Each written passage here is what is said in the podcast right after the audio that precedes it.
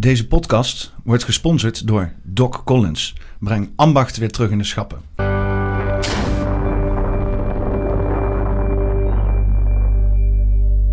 Even kijken. Uh, podcast nummer 121. En uh, ik zit hier met uh, Robert Valentine. Welkom. Yes, thanks.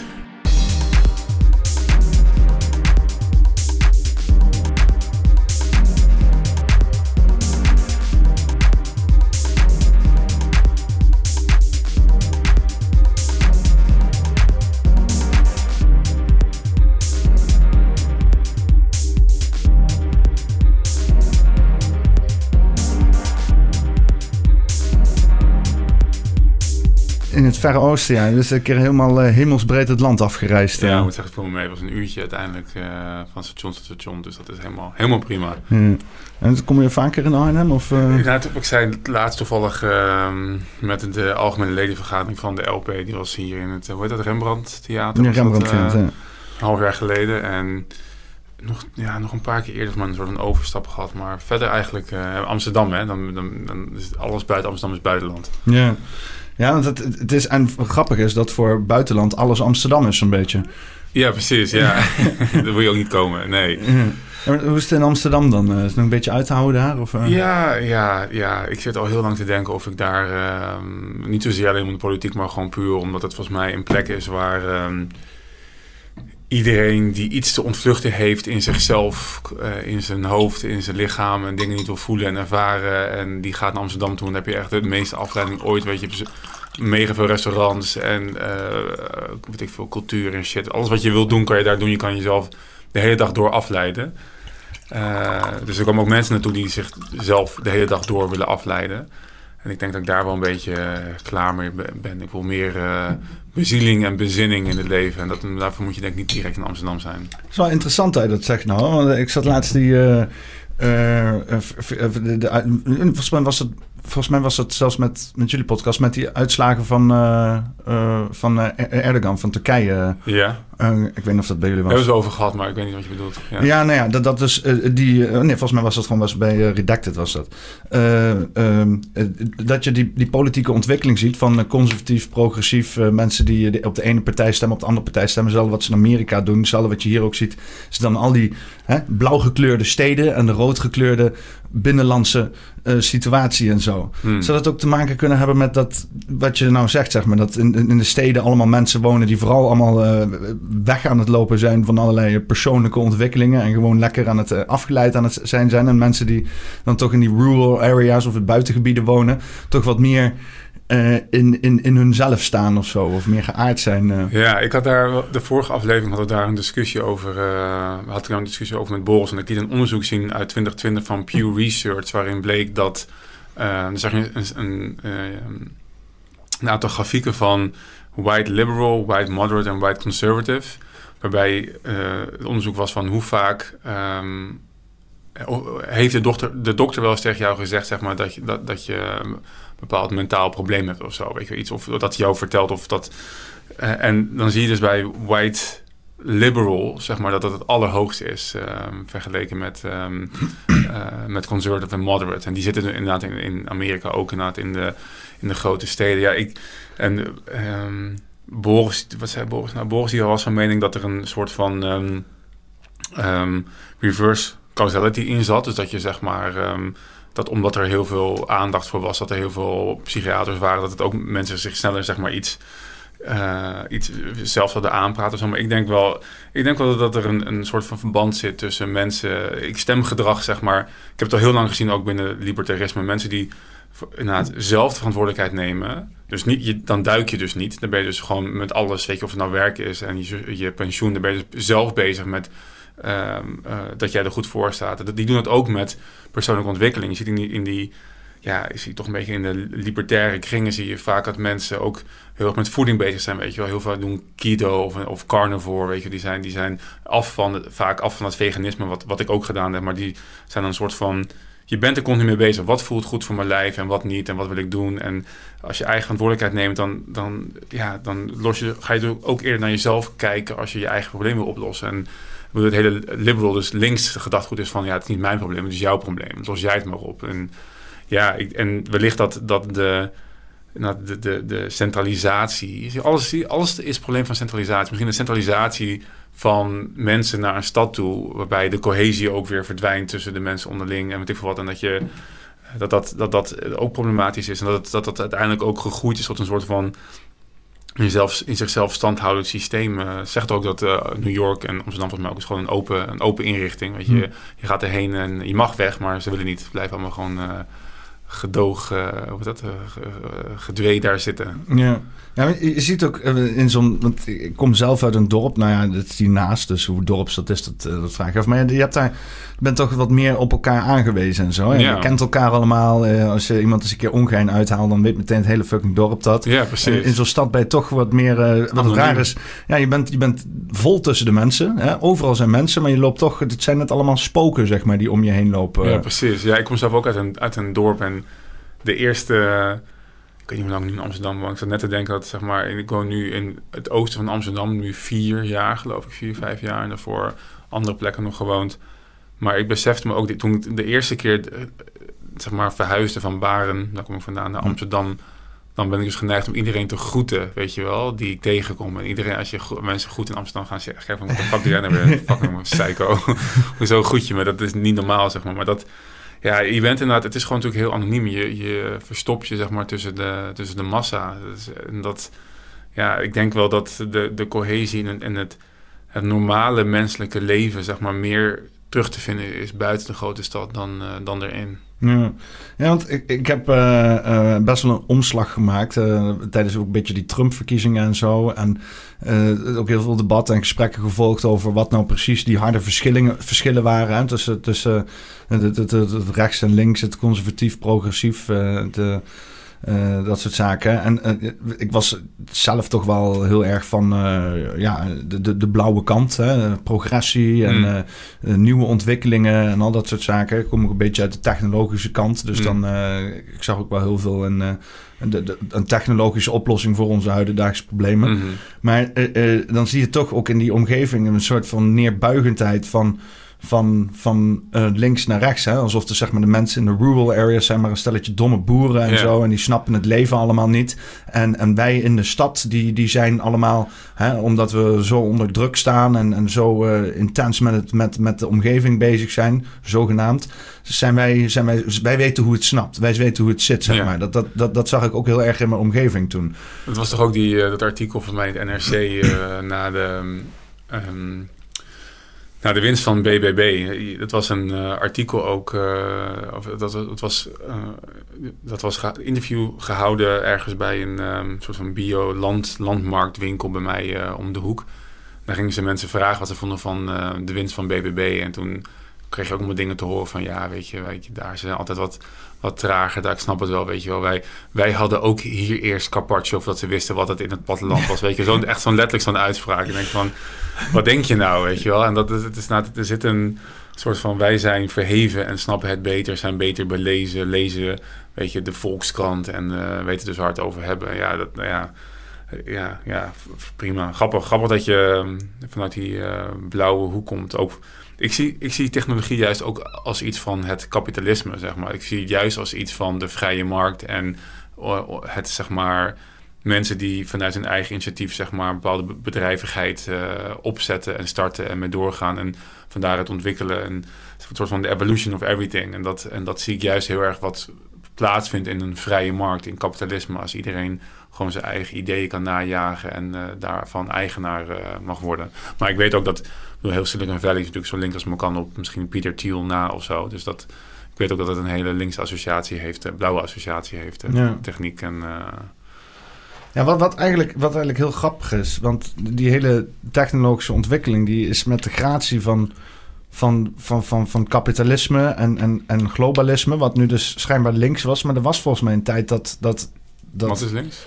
Ja, dat, dat, dat, het, het, het, ja, het, het, het, uh, het globalisme voornamelijk. Mhm. Wat natuurlijk zijn gratie verleent aan kapitalisme. Want mm er is geen globalisme gekomen, geen handel gedreven onder het mom van communisme en zo. Sterker nog, de communistische landen zijn juist heel erg gescheiden, gesloten gebleven. Ja. En dus als je kijkt naar zo China, die, die moest zich openen door te participeren aan kapitalisme, handel te drijven en dat soort dingen. Maar nu, nu uh, Ehm, en, en technologie ook, hè, met internet en zo. Dat, dat, het draait allemaal om verbinding en bedrijven en corporaties. En, eh, eh, maar dat is dan op een of andere manier links geworden of zo. Ja. Dus hoe dan? Ja, ik weet ook niet wat het... Ja, wat is dat? Ja, misschien omdat eh, zeg maar het complot dat de overheid er überhaupt voor een heel groot deel achter zit tegenwoordig. En vroeger was natuurlijk, had ik de laatste podcast ook over, er gaat zoveel, um, zoveel kapitaal, zoveel bedrijvigheid, zoveel energie gaat er door de overheid. Zeg maar Nederland is bijna onmogelijk om nog iets te kunnen doen, zeg maar, zonder dat de overheid daar links of rechts om iets mee te maken heeft. En, dat, en vaak is het ook gewoon een hele grote, grote mate. En vroeger was het gewoon niet zo. Je, weet je, je, had, je had gewoon, je ging gewoon ondernemen, je mocht ondernemen en je bedacht dingen en je vond dingen uit. En daardoor werd je zeg maar heel erg uh, groot. Maar door vanaf zeg maar eigenlijk misschien, ik denk wel de anti-monopoliewetgeving, de antitrust laws, wordt dat natuurlijk heel erg beperkt en bemoeit zich heel erg mee. En wie, weet, wie weet dat in Amerika in de intelligence community zeg maar, ook gewoon heel erg heftig wordt geïnvesteerd zeg maar, in, uh, in, in, in Silicon Valley, in al die techbedrijven. Dus er zit een vergroeiing. En misschien is het ook wel gewoon dat de, ik bedoel, alles is links tegenwoordig natuurlijk. Weet je, de hele maatschappij is links. Rutte zegt, we leven in een links land en daar moet ik ook met mijn partij opschuiven naar een meer linkse ideologie. En je ontkomt er denk ik gewoon bijna niet aan. Dus ik, ik weet niet, wat is, wat is niet meer links tegenwoordig? Wat betekent links? Ja, als ik dan links, dan, dan sowieso, eigenlijk ben ik heel erg tegen links en, links en rechts. Maar dan denk ik nog even een soort van klassieke termen waarbij links staat voor het, um, het, het over, overheidsdenken. Ik ben meer van die, van die Nolan-chart, zeg maar. Meer van op een schaal van je hebt autoritair denken en je hebt libertair denken. Ja, die, zeg die, maar. die vierpuntige matrix. Uh, ja, dus je hebt autoritair, libertair, Een progressief en conservatief, Oh, ja, zeg maar. Zo, dat is een beetje de, de chart. En ik zit gewoon natuurlijk helemaal in het, in het, in het vrij. Alles moet gewoon vrijgelaten worden op zo economisch of sociaal gebied. En het progressief en conservatief gaat dan weer vaak over sociale, sociale thema's. Maar de, ja, links... Ja, maar het is ergens ook ergens veranderd, zeg maar. Want, eh, eh, want als ik ga opzoeken waar die termen links en rechts vandaan komen, dan kom je bij eh, de, de, de Franse Revolutie terecht. En dan had je de koning. En dan aan de rechterkant zaten de koningsgezinde mensen. En aan de linkerkant zaten de mensen die eigenlijk los wouden van die, van die huidige macht. Ja. En dat, dat is tegenwoordig, is dat, dat is er niks meer van over. Nee, en het wordt ook door elkaar heen gebruikt. Dus ze noemen ehm, PVV een rechtse partij. Terwijl PVV heeft gewoon economisch het programma, heeft überhaupt het programma van de SP. Je ziet ook dat de SP steeds meer anti-immigratie wordt. Liggen, ze liggen heel dicht bij elkaar. En omdat Geert Wilders altijd als een soort van racist werd gezien, of nog steeds racist is. eh, en racisme, dat is rechts of zo, weet je wel. Dus vaak als je anti-immigratie bent, dan, dan ben je rechts. Zeg maar. dat, dat is, dat maar kijk eens naar je economische standpunten. Dus hoeveel overheidsinmenging wil je? Maar daar gaat het mij om. Zeg maar. Links is met veel overheidsinmenging, rechts is zonder veel overheidsinmenging. Want wanneer is dat gebeurd, dat racisme rechts is? Ja, vast sinds links een stok nodig had om ergens mee te slaan of zo. Weet je, dat hele extreem rechts, tegenwoordig zelfs ultra rechts. Het is allemaal, allemaal uh, jijbak, allemaal persoonlijke aanvallen om niet op de inhoud in te gaan. Ja, ik weet niet. Het is, spindokters zijn de laatste, het zou het zijn, 50 jaar hard aan de slag gegaan om... Uh, de politiek te maken zoals, uh, zoals het nu eruit ziet. En dus gewoon gaandeweg vanuit politieke gedachtegoeden allemaal een beetje gevormd en gekleid naar wat het nu is. Ja, ik vind het ook een van de meest storende dingen, zeg maar, dat, uh, dat het leger aan uh, communicatiemedewerkers van het Rijk, zeg maar, dat het, dat het zo groot is. En op dit moment is VVD voornamelijk zeg maar de, de grootste partij NAZ, dus die gebruiken dat voor van alles. Maar er zit weet je, nieuws gaat tegenwoordig alleen maar over politiek en politici en wat zij aan het doen zijn. En daardoor wordt ook zeg maar, het belang van politiek en politici zo overschat door de meeste mensen. Weet je, de meeste mensen die, ik zeg, die de, de Volkskrant lezen, denken juist van, oh, ik ben, ik ben op de hoogte van wat in de politiek speelt, weet je, goed bezig. Nee, die, mensen doen er niet toe, zeg maar. We moeten onze eigen weg maken, we moeten onze eigen levens weer gaan leiden en inrichten. En dat, ja, ik weet niet, het is echt een, uh, ik hoop dat het een soort van naar een soort van toppunt gaat. Dat het, dat het, te, dat het top zwaar wordt en dat de maatschappij het gewoon niet meer kan dragen. En dat, we dan, dat het dan breekt, dat we dan lekker overnieuw kunnen beginnen. En zonder die hele overhead. Wat, wat, wat moet daarvoor gebeuren, zou je zeggen? Ja ik, denk, ja, ik denk dus een van de belangrijkste dingen is dat mensen even meer uh, bij hunzelf moeten gaan na, uh, nagaan, zeg maar. Weet je, ik denk dat het is iets wat, ik een aantal keer in in bij voor Valentine ook heb, um, heb benoemd, maar eigenlijk uh, niet heel vaak echt heel diep op ingaan. Omdat de meeste mensen die willen toch, toch meer soort van wat, wat voor gekte is. De afgelopen weken weer langsgekomen. En daar ben ik met Ik denk dat het belangrijk is dat wij leren, dat wij ons...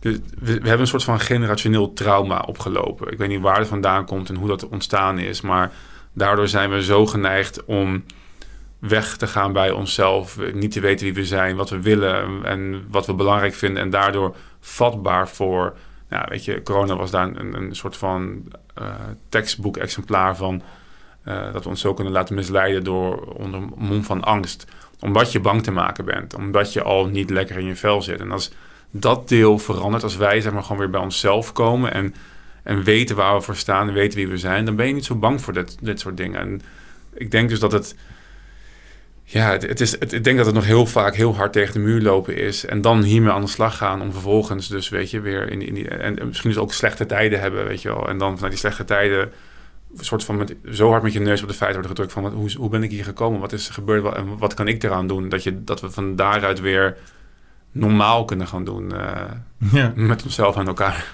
Ja, want uh, uh, voor mij viel het heel erg op met, met, met die 9-11 gebeuren. Dat, wat zou het zijn, een maandje na, of misschien nog eerder zelfs, nadat die torens waren omgeketst, dat er dat iedereen het had over terrorisme. En dat was de grootste dreiging en zo. Ja. Dat, dat, je toen al denkt van oké, wat? Weet je wel, hiervoor was het, hoorden we er nooit wat van of zo. Of in mhm. ieder geval, en nou, nou heeft iedereen het erover. Ja. En, en dat, zo is dat constant, is dat elke keer in, in, in, in, in, in, in, in of dat dan gaat dan over klimaat, maar ook inderdaad met die pandemie. Ja. Uh, um, het is, het, er wordt gewoon alleen nog maar nagepraat, zeg maar. Ja, maar het is... Het is inderdaad, um, het, moet denken aan die docu, docu's van Adam Curtis. Die, uh, die heeft op een gegeven moment dat in de jaren zeventig heeft het over die ging, die ging helemaal achter het, hele terrorisme verhaal aan en hoe substantieel dat nou eigenlijk was. En hij zegt, ja, het was echt door de FBI en CIA echt opgeblazen van hier tot Tokio. Zeg maar, die substantiële dreiging waar ze het over hebben, die is er gewoon niet en is er nooit geweest. En is er daarna ook niet, niet meer geweest. Dus ook nu merk ik, en ik moet zeggen, ik besef me dat ook pas. Ik dacht al van het verhaal van 9-11, ik geloof hier echt geen ene reet van. Hoe het wel zit, dat weet ik niet.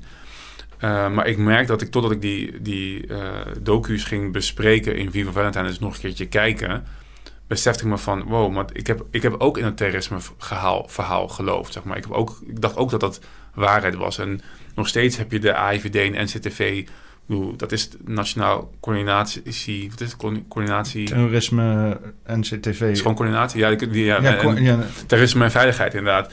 Dus het is gewoon een heel ding die daarmee bezig is. Terwijl het is en een Curtis laat heel duidelijk zien, het is, het is opgeklopt. Weet je, bedoel, er zijn natuurlijk wel mensen, terroristen, die bomaanslagen willen plegen. Maar het is echt zo'n minimale dreiging. Maar we worden allemaal voorgehouden dat die dreiging heel groot is. Dus ofwel terrorisme, ofwel klimaat, we gaan dood. Weet je, binnenkort hebben we kokende oceanen of, uh, of geen oceanen meer. Weet je wel, dat komt, soort komt een ijsbeer op een ijsschots al smeltend hier het land opgezogen gezet. Ja. Uh, we hebben een ijsboer, ijsberenprobleem hier of zo. Ja, alles is een probleem. Alles is een pro dat is namelijk wat hij zegt. Alles is een probleem voordat het een probleem is. De precautionary Um, um, de precautionary insteek van politici. Dus dat ze moeten voorzichtig zijn dat er niet iets gaat gebeuren. En daarvoor moeten we al je geld afpakken en allerlei maatregelen nemen. En dat, ja, en, en, en ik denk dat veel mensen bij 9-11 inderdaad voor het eerst gingen nadenken van... hé, hey, dat is dat ik ook van, hè, dat is weird, weet je. Het is, het is weird. Ja, want je hebt natuurlijk eindeloos veel discussies... wat natuurlijk ook lekker... Uh, dat speelt in mijn optiek altijd uh, juist die narratief in de hand. Hè? Want al die gekke complotten die er dan uitkomen... Dat, dat, dat, dat draagt vaak niet bij aan wat er dan wel gaande is. Mm -hmm. uh, al ben ik heilig van overtuigd dat we nooit meer gaan weten wat er gaande is. Want mm. we kunnen niet eens over iets wat twee jaar geleden is gebeurd... met, met dat dat, uh, met dat virus. Wat sowieso uit een fucking lap is gelekt. Weet je wel? je, je, ziet, je ziet gewoon uh, in, in van die uh, hearings dat, dat ze daar gewoon in Wuhan um, um, gain and function researches aan het doen waren. Mm. En dat er gewoon alles aan gedaan is om dat narratief de kop in te, te drukken. Nou, dan zegt mij al genoeg, zeg maar. Maar ja, daar gaan we nooit meer op terugkomen. Laat staan op wat daarvoor is gebeurd. Laat staan op wat daarvoor is gebeurd. Laat staan op wat daarvoor is gebeurd. Maar ja, je kan al gewoon zien aan zo'n narratief dat het niet klopt.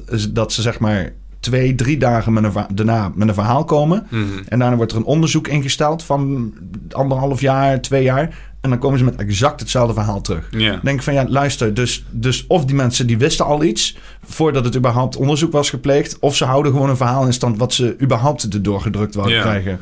Ja, vaak doen ze ook dan nog, uh, weet je, niet meteen onderzoeken. Weet je, doen gewoon lekker lekker later. Dus met 9-11 was het ook zo. Toen, volgens mij was met John F. Kennedy, toen hij vermoord was er echt een week later was er een commissie opge, opgetogen, zeg maar, om dat te gaan onderzoeken en, en dat, ja, daar aandacht aan te geven. En met 9-11 was het echt een jaar of twee later of zo dat ze pas daar in die 9-11 commission pas uh, er was. Toen al het bewijs ook al was, uh, was weggegooid. En je hebt het um, nu met corona in Nederland ook, weet je wel. De eerste verhoren van de politici die verantwoordelijk waren, die zijn pas in 2025 geloof ik of zo, weet je. Want dan, Yeah. En ze weten gewoon, omdat we dus nou niet bij onszelf zijn, omdat we zover, omdat we, omdat we dus allemaal, door Amsterdam doet het heel erg, maar we doen het allemaal op een bepaalde manier, weet je. We allemaal continu met afleiding bezig zijn en dingen gewoon vergeten. Ja, weet je, als je kan zeggen wat je wil zeggen. Ik zag die fucking Hugo de Jonge laatst bij, wat was het nou, uh, VI. Ja, ja, en dat hij zei van, uh, vroeg, uh, die, ik, weet, ik kijk het nooit, weet die gast ook weer, die, uh, die presentator, die vroeg, ja. die vroeg Wilfred Genees. Ja, ja, ja, Wilfred Genees. Die vroeg van, hoe zit het met die 5,1 miljard? Ja. Zeg, hij zegt, wat bedoel je? Ja. ja die 5,1 miljard die weg is. Ik zeg, er is helemaal geen 5,1 miljard weg. Een social media verhaal, zegt hij zo. Ja. Het is gewoon door de rekencamera is dat naar buiten gegeven, het, toch? Het, maar het is, ik dacht, ik ging dus ook even twijfelen. Ik denk, was het, in, was het inderdaad social media? Ik ging kijken, ging zoeken. Nee, ik zie gewoon Volkskrant en zo, weet je wel. En dat, dat het niet te verantwoorden is waar 5,1 miljard heen gegaan of zo. En hij zit gewoon glashard te liegen daar. En die mensen die, die, die zeggen ook niet van, oh ja, nee, dat was... Want die gaan net zoals ik zeggen, die gaan eerst eens even twijfelen. En ze hebben geen laptop bij zich om het even op te zoeken. Maar dat is nu het beeld en... 9 van de 10 mensen gaat niet even de laptop erbij pakken om op te zoeken wat hij gezegd heeft. Die denken nu van, oh, dat was gewoon, dat was gewoon een lulverhaal destijds van social media. Zoals die, al die andere wappies en complotdenkers altijd op social media shit zeggen die niet waar zijn. Er zijn veel lulverhalen daarbuiten, dus het is ja, die, een plausibel argument. Ja, dat, dat, is ook zo. Er zijn ook heel veel lulverhalen. En dat is trouwens ook wel een beetje waarom ik... Um, ik vind het super leuk om te filosoferen en heel veel complotten aan te halen. Want ik denk dat het, het vrijdenken een beetje vergeten zijn. En we moeten we mogen wel wat ruimer denken. Wil je weggaan van de status quo, wat je altijd al gedaan hebt, dan moet je gewoon uit de band springen, zeg maar. Dan moet je gewoon een beetje gek zijn en, en andere dingen onderzoeken. Dus ik denk dat dat, dat, dat wel goed is. Maar het is ook gevaarlijk om heel stellig te zijn over dingen waarvan je het eigenlijk niet zeker weet. Omdat je dan inderdaad, uh, ja, uh, ik geloof dat er veel meer is dan, dan, dan zeg maar de, Volkskrant en zo allemaal uh, laten zien. Maar als je dat, als je ja, als je claimt, de, ja, als je claimt zeg maar, de waarheid te kennen en je zegt dingen die niet waar zijn, ja, dan, dan, dan, wordt dat moeilijk omdat mensen naar je gaan luisteren, zeg maar. Dus het is een beetje, het is een beetje dubbel. En ik kan ook het heel erg het vrijdenken stimuleren, maar probeer altijd een soort van ook van slag om de arm te houden. Van ja, maar ik weet ook niet, weet gewoon niet hoe het zit. Ja. Ja, dat is ook wel goed om een uh, scheiding te maken van zitten we nu te filosoferen of zijn ja. we nou uh, waarheden aan het preken of zo. Hè? Doen we doen onderzoeksjournalistiek, ja. ja. Ja, Dat is ook iets wat bij de podcast vaak wordt gezegd door, door kijkers. Zo van ja, ook als ze fouten maken. We doen, we doen net zoals jou, zeg maar, het is een one, het is een one taker we net over. Zeg maar, ik hou ervan dat het authentiek is, dat het gewoon een normaal gesprek hebt. Je, hebt, je script niks, je bent gewoon een gesprek aan het houden. Dat is iets waar de hele mediawereld zeg maar, om, om verlegen zit. Het is gewoon echt totale emotionele, menselijke armoede wat je daar, uh, wat je, wat je daar ziet. Dus ik vind het mooi dat zeg maar, als mensen dat, als dat dan, uh, dan, dan niet doen. Maar je, maar je maakt dus ook fouten. Want je, ik bedoel, ik, ik, lees veel blogs, lees veel, onderzoeken veel. En niet alleen de afgelopen twee jaar, maar echt afgelopen, weet ik veel, twintig jaar of zo. Dus je hebt heel veel kennis en, en informatie om op, op te bouwen. Maar je, ik ben geen onderzoeksjournalist. Dus ik, heb, ik schrijf het niet op, weet je wel. Ik hou geen dossier bij per se of zo. Ja, in mijn hoofd een beetje. En dat, Bent dus, geen Arno Wellens, zeg maar. Uh. Nee, precies. Nee, en dat, dat, nee, zeker niet. Nee, en dat... En dat um, en dan vind ik het wel grappig dat je dat zegt, maar dat vind ik dus ook... Ik had de laatste aflevering met Arne Wellens dat ik dacht van... Ja, maar boeit dit, zeg maar? Boeit, boeit het dat je zo diep in de, zeg maar, in de materie zit... dat je elke regel weet van... Ik weet namelijk, ik hoef dat niet te zien om te weten dat het crap is, zeg maar, weet je wel. Dus mijn tijd en energie gaat meer naar soort van het, het, het grotere plaatje erin... En, en dat uh, duidelijk maken. Maar goed, wat ik wilde zeggen is dat het veel mensen dan... Dus, um, soort van, als je het fout hebt, dat het dan slordig vinden of, of wat dan ook. En, en dan zeg je, ja, maar we zijn geen journalisten. Zeg maar. Ik ben niet hier, pretendeer niet hier de waarheid te hebben. Ik ben gewoon een andere mening, andere kijk. En eigenlijk ben ik juist heel erg aan het stimuleren dat je gewoon weer normaal een gesprek met elkaar gaat hebben. Niet alleen maar in achterkamertjes, maar ook gewoon op camera. En, en, en dat je op, op internet dat iedereen dat gewoon kan zien. Zeg maar. Laten we gewoon. Ik mis overal zo die menselijkheid, zeg maar. Omdat, omdat we dus ver weg zijn van onszelf en onze menselijkheid. En ja, eigenlijk is alles wat ik een beetje doe, dat heeft te maken met daar weer terug bij, bij willen komen. Ja, want kan je een tijd herinneren, want ik vind dat zelf heel erg moeilijk. Uh, misschien omdat ik ook een 90s kid ben en zo. Maar kan je een tijd herinneren waar er nog wel enige authenticiteit op tv te vinden was? In, in praatprogramma's of zo? Nou, ik denk dat het op tv... Ik moet even nadenken. Ik ben een 80s kid, maar het is niet nou... Ja, ik denk dat... Ik heb wel het idee dat in de, in, in de jaren 80... Niet dat ik heel erg bewust was natuurlijk. Maar dat... Um, als ik was gewoon nog te jong. Maar dat er, dat er wel meer echtheid was. Ook, ik zie het in de muziek kan je het heel erg zien, vind ik. De muziek was gewoon veel... Weet je, alle iconen komen een beetje uit die tijd, zeg maar. En toen ging het grote geld en weet ik voor wie het allemaal mee aan de haal. En werd het inderdaad poster boys voor corporate interest. Maar daarvoor was, ging het om de muziek. Ik vind, een van de mooiste dingen die ik... Uh, optredens die ik heb gezien, dat was... Um, Whitney Houston met Dionne Warwick, haar, uh, haar tante. Um, uh, Stevie Wonder en hoe heet die andere guy ook Mar Marvin Gaye was een andere. Luther Vandross. Hm. En die doen, die doen That's Where Friends Are For Me, even het nummer kent, zeg maar. Een heel bekend nummer. Maar dat, maar dat doen ze, zeg maar, hij, die guy kondigt het aan, zeg maar, hij staat naast de drie al. Die, het licht is nog een soort van zwart tussen je camera's op die één guy. En daarna, hij kondigt het aan en hij doet het zelf mee en dan gaat het licht, gaat zeg maar... Uh, op de rest, op die andere drie en dan zie je ze staan en dan gaan ze zeg maar, ze staan gewoon te zingen, zeg maar, weet je. Het is geen flashy dansers en decors en allerlei andere toeters en bellen en zo. Ze staan daar gewoon eh, te zingen. Het waren denk ik ja, een paar van de beste zangers, zingers, uh, zangeressen uit, uh, uit die tijd. En ik denk dat dat wel... Ik denk dat je dat in die tijd zeg maar wel, wel, wel meer hard... Maar ja, op een gegeven moment kwam er gewoon... Ik weet niet wat is. kwam er meer geld bij of zo. Er kwam iets anders waardoor... waardoor ja, waardoor dat, verander, waardoor dat verandert. Het is, ook, het is ook, denk ik, menselijk. Ik heb het heel erg bij de, bij de LP gehad dat... Um, ik merk dat ik dus bij mezelf wegging, zeg maar. Ik, ik was, je bent politicus, je wil uh, gekozen worden.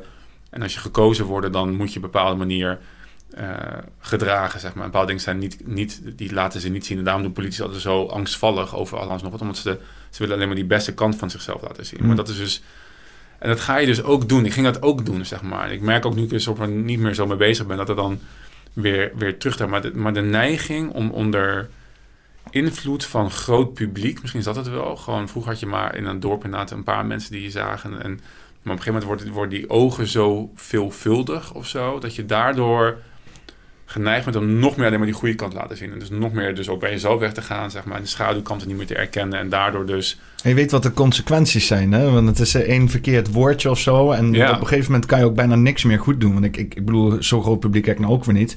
Maar ik merk dat, uh, dat, dat, dat perfectie is, is, is niet te doen. Hè? Nee. Het maakt niet uit als ik deze kant op ga, dan krijg je van die kant weer een hoop gezeik. Als je die kant op gaat, krijg je van die kant weer een hoop gezeik. En uh, dat zijn maar, uh, weet ik veel, 4000 abonnees. Laat staan dat er een miljoen mensen zitten ja, te precies. kijken naar je.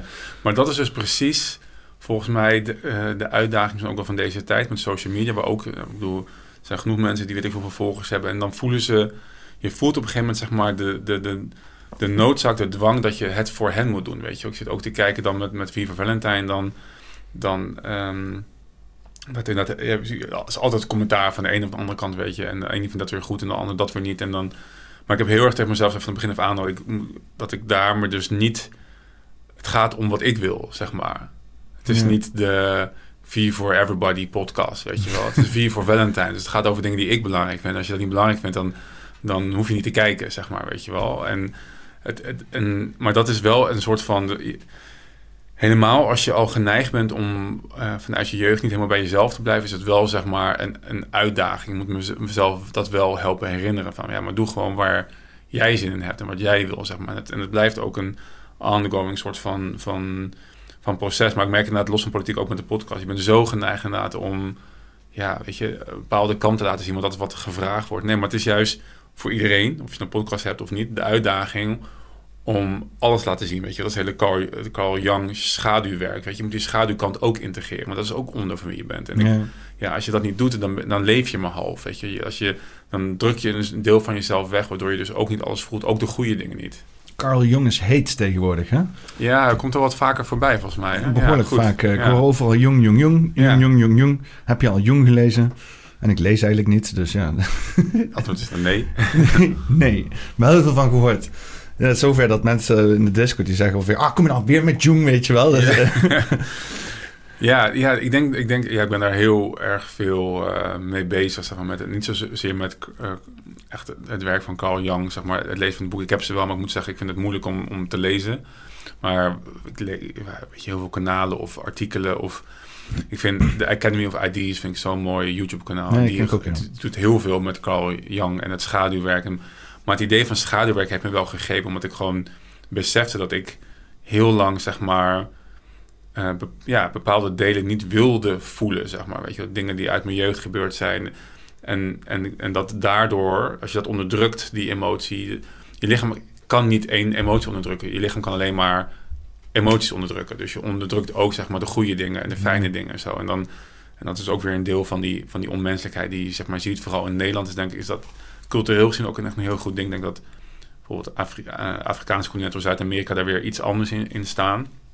Um, maar je verliest gewoon een deel van, van, van, van jezelf. En het is juist zo belangrijk om, ik veel, schaamte, schuldgevoel. Uh, dat zijn vaak dingen die we niet willen zien. Met het verdriet kan soms nog wel, zeg maar, en pijn. Maar vooral die schaamte en schuldgevoel, dat zijn dingen die je niet wil erkennen als mens, niet wil voelen, het meest naar zijn. En ja, ik denk echt dat heel veel mensen nog heel veel die schaduwkanten. Want je, hebt, je doet gewoon dingen die niet goed zijn, zeg maar. Of niet goed zijn, of die, die andere mensen pijn doen of jezelf pijn doet. En dat, en dat erkennen. En van daaruit soort van, oké, maar ik ga het volgende keer beter proberen te doen. En ja, ik heb, ik heb het verpest, zeg maar. Ik denk dat het zo'n belangrijk um, um, proces is om doorheen te gaan. Om echt helemaal bij jezelf uh, uit, uit te komen. En ook omdat je gewoon, je moet als je niet je fouten erkent, dan ga je ze dus gewoon herhalen. En dat, ja. en dat is wat nu gewoon heel veel mensen die maken fouten, willen dat niet zien. Ik heb het niet gedaan, weet ik veel wat, doorgaan, afleiden.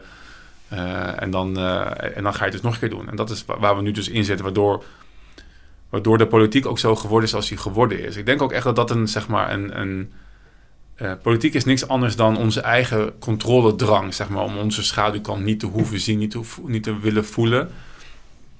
gaan we gaan we heel erg onszelf en onze omgeving controleren. En stemmen dus ook op partijen die dat ook doen. En die mensen hebben natuurlijk precies dezelfde patronen, dus die doen, die doen het net zo hard.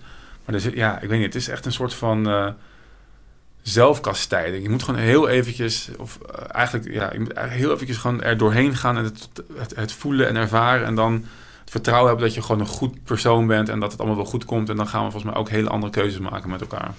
Ja, dus, want je ziet het inderdaad nu in dat politieke debat. Uh, dat, dat, dat, dat, dat, dat hele gedrag om, om al die slechte dingen uit te bannen, alleen nog maar meer slechte dingen veroorzaken. Ja.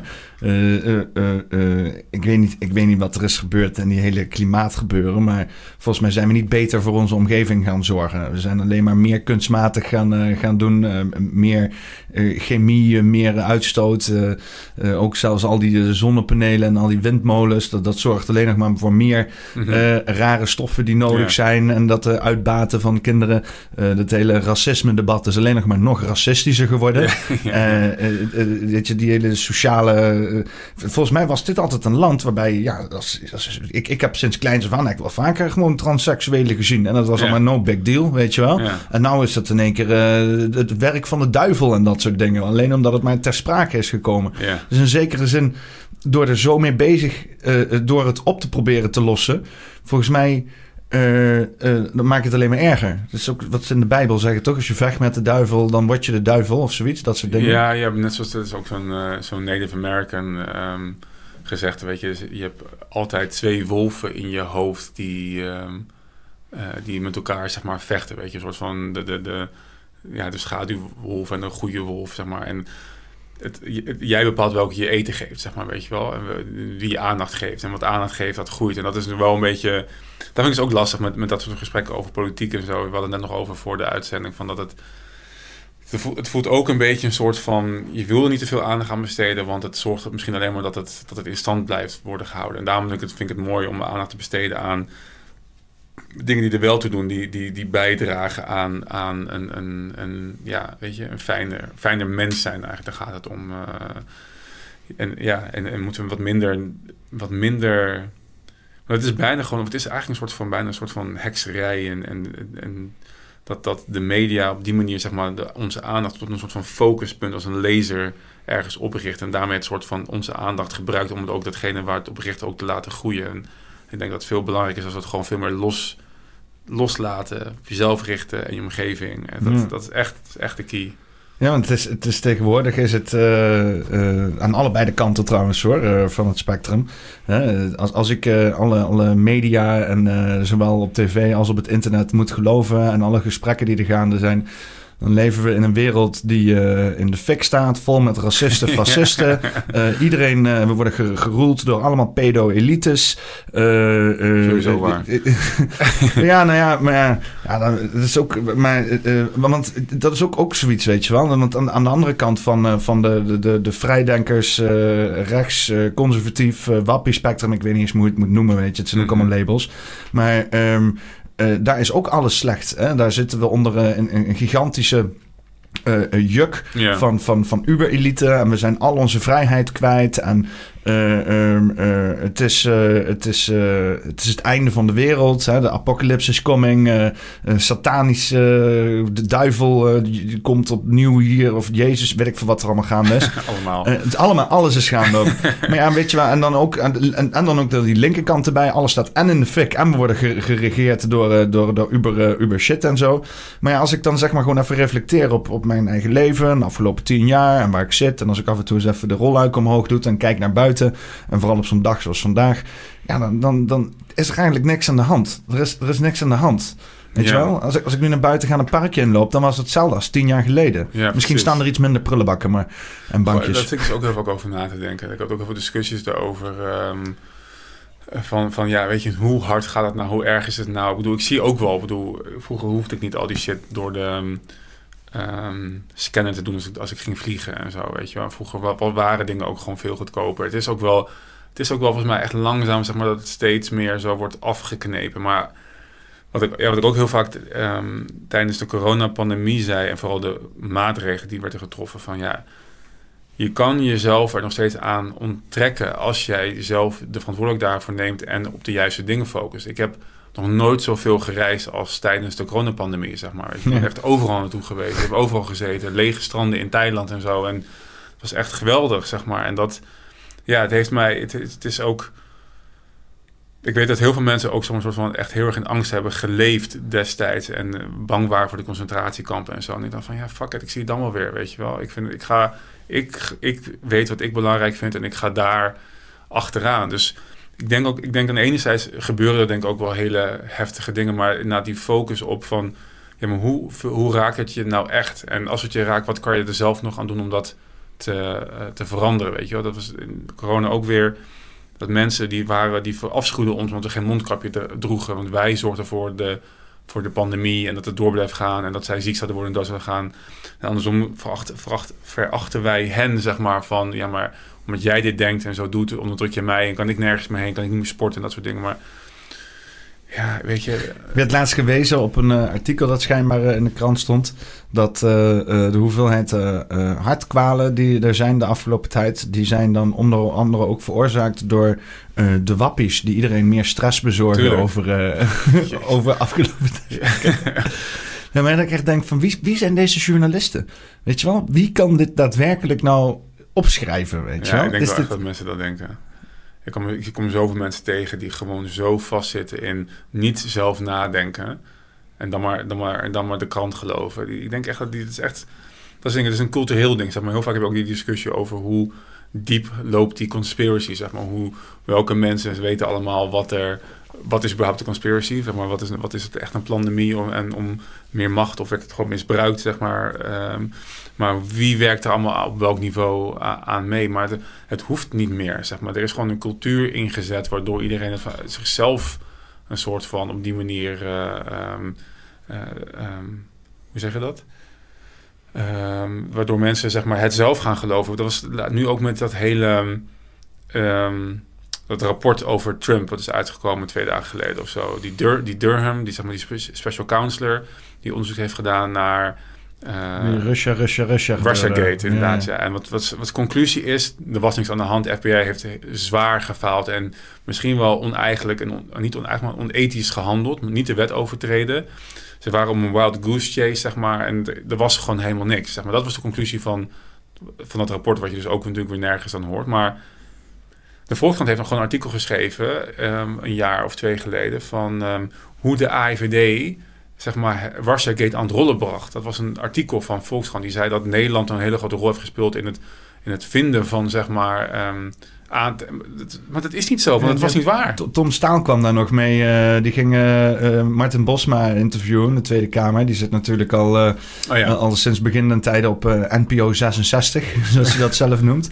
En uh, ja, die, die, die, die bracht het aan dat, dat, dat dus de, de, de, de NPO ook gewoon schaamteloos verslaglegging heeft gedaan van dus dat hele gebeuren, wat dus gewoon misinformatie was. En dat dan inderdaad haaksleggend op dat een NPO nu ook een nieuwszender zoals Ongehoord Nederland eruit wil hebben, omdat hun zogenaamd misinformatie zouden verspreiden.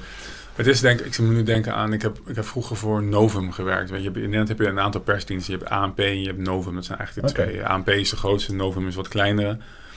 Uh, maar ik heb, dus, ik, ja, ik heb daar op die redactie rondgelopen, ook soms. En um, maar hoe dat daar werkt, en dat is ook dus een beetje. Ze doen ook werk zonder bezieling, zeg maar. Dat is ook weer allemaal onder um, mom van te weinig geld. En je kan niet meer echt onderzoeksjournalistiek, onderzoeksjournalistiek doen. En we moeten gewoon in zoveel tijd zoveel um, items eruit hebben. We moeten, wij moeten ook, het is allemaal gevecht om je aandacht. We moeten de aandacht ook vasthouden van, uh, van mensen. Dus, dus een collega die, die pakte gewoon een printje van het, van het, uh, van het AP, dus zeg maar, of, of, of Reuters, zeg maar, die twee grote internationale persbureaus. En die hebben wat meer geld en middelen, maar elk persdienst, elke krant, die, die, die, die zuigt gewoon informatie vanuit daar, zeg maar. Weet je? Want ze hebben zelf geen geld meer om, uh, om echt onderzoeksjournalistiek te doen. En dat is... Ja. in zekere zin hebben we onszelf ook gewoon kaart in de vingers gesneden met die hele internetvrijheid. Hè? Dus dat uh, internet, oh, vrijheid van informatie, hartstikke mm fijn, nu kunnen we alles gratis delen. Maar daardoor hebben we zeg maar een soort van monster, een propaganda monster gecreëerd. Waarbij je ja, gewoon die, die, die, die nieuwszenders, de, de grote nieuwszenders die nog altijd de grootste infrastructuur hebben om mensen te bereiken, gewoon maar stront tegen de muur aan het gooien zijn om te kijken wat blijft plakken of zo. Maar ik vind het mooi, Boris die vertelt het altijd, want die, um, heeft, die, die zit al, wat ik veel, 40, 35 jaar in de media. En hij zei, door internet is het businessmodel van kranten op zeep geholpen, zeg maar, om zeep geholpen. Omdat, uh, ja, je kan gewoon gratis je nieuws, uh, zeg maar, kijken. Waarbij vroeger grote kranten, weet ik veel, honderdduizenden abonnees hadden. In Amerika misschien nog wel meer. Uh, ja, en da dat was gewoon je inkomstenbron met wat advertenties misschien erbij. En dan had je gewoon genoeg inkomsten om echt journalistiek te bedrijven. Maar door internet is dat businessmodel helemaal eigenlijk de nek omgedraaid. Dus je nu een klein beetje terugkomen, zeg maar, op, op een bepaalde manier. Um, maar dat is dus ook echt een reden dat, dat, dat, uh, dat journalistiek, zeg maar, misschien wel een beetje is, uh, is uitgehold. Dus nu, misschien komen we nu in een nieuwe fase, waarbij we dus eerst van die gevestigde orde naar een soort van free for all op internet, dat we nu een beetje een soort van naar, ik wil dat heel graag doen, ik, wil heel, ik wil heel graag, zeg maar, uh, los van Viva Valentine podcast, meer podcasts zelf maken, maar ook dus andere journalistieke initiatieven zeg maar, gaan opzetten. Waarbij een combinatie van nieuwe media en zeg maar, misschien toch een oud businessmodel of combinatie, ik weet het niet, uh, mogelijk is. Omdat ik wel denk dat we weer naar een nieuwe controlerende macht toe, moeten, wat de, pers al lang, uh, al lang niet meer doet. Ja, ja, want hoe zie je dat businessmodel voor je? Dat dan een beetje uitgedacht? Of is dat uh, secret sauce die niet naar buiten mag komen? Of, uh... Ja, weet ik niet. Ik ben meestal heel open over alles. Ik denk, ja, ik denk, ik bedoel, um, je kent het hele value for value model natuurlijk wel. Ik denk, ik denk überhaupt dat amendementen en zo nog best wel... Um, je ziet dat mensen dat gewoon doen als het, als het staat waar zij voor staan, zeg maar. Weet je. Ik geloof niet in, in wat Adam Curry zegt, zeg maar, in sponsorship. Want sponsorship is censorship, zeg maar. Dus ik wil het moet inderdaad een soort van grassroot onderop gesteund worden.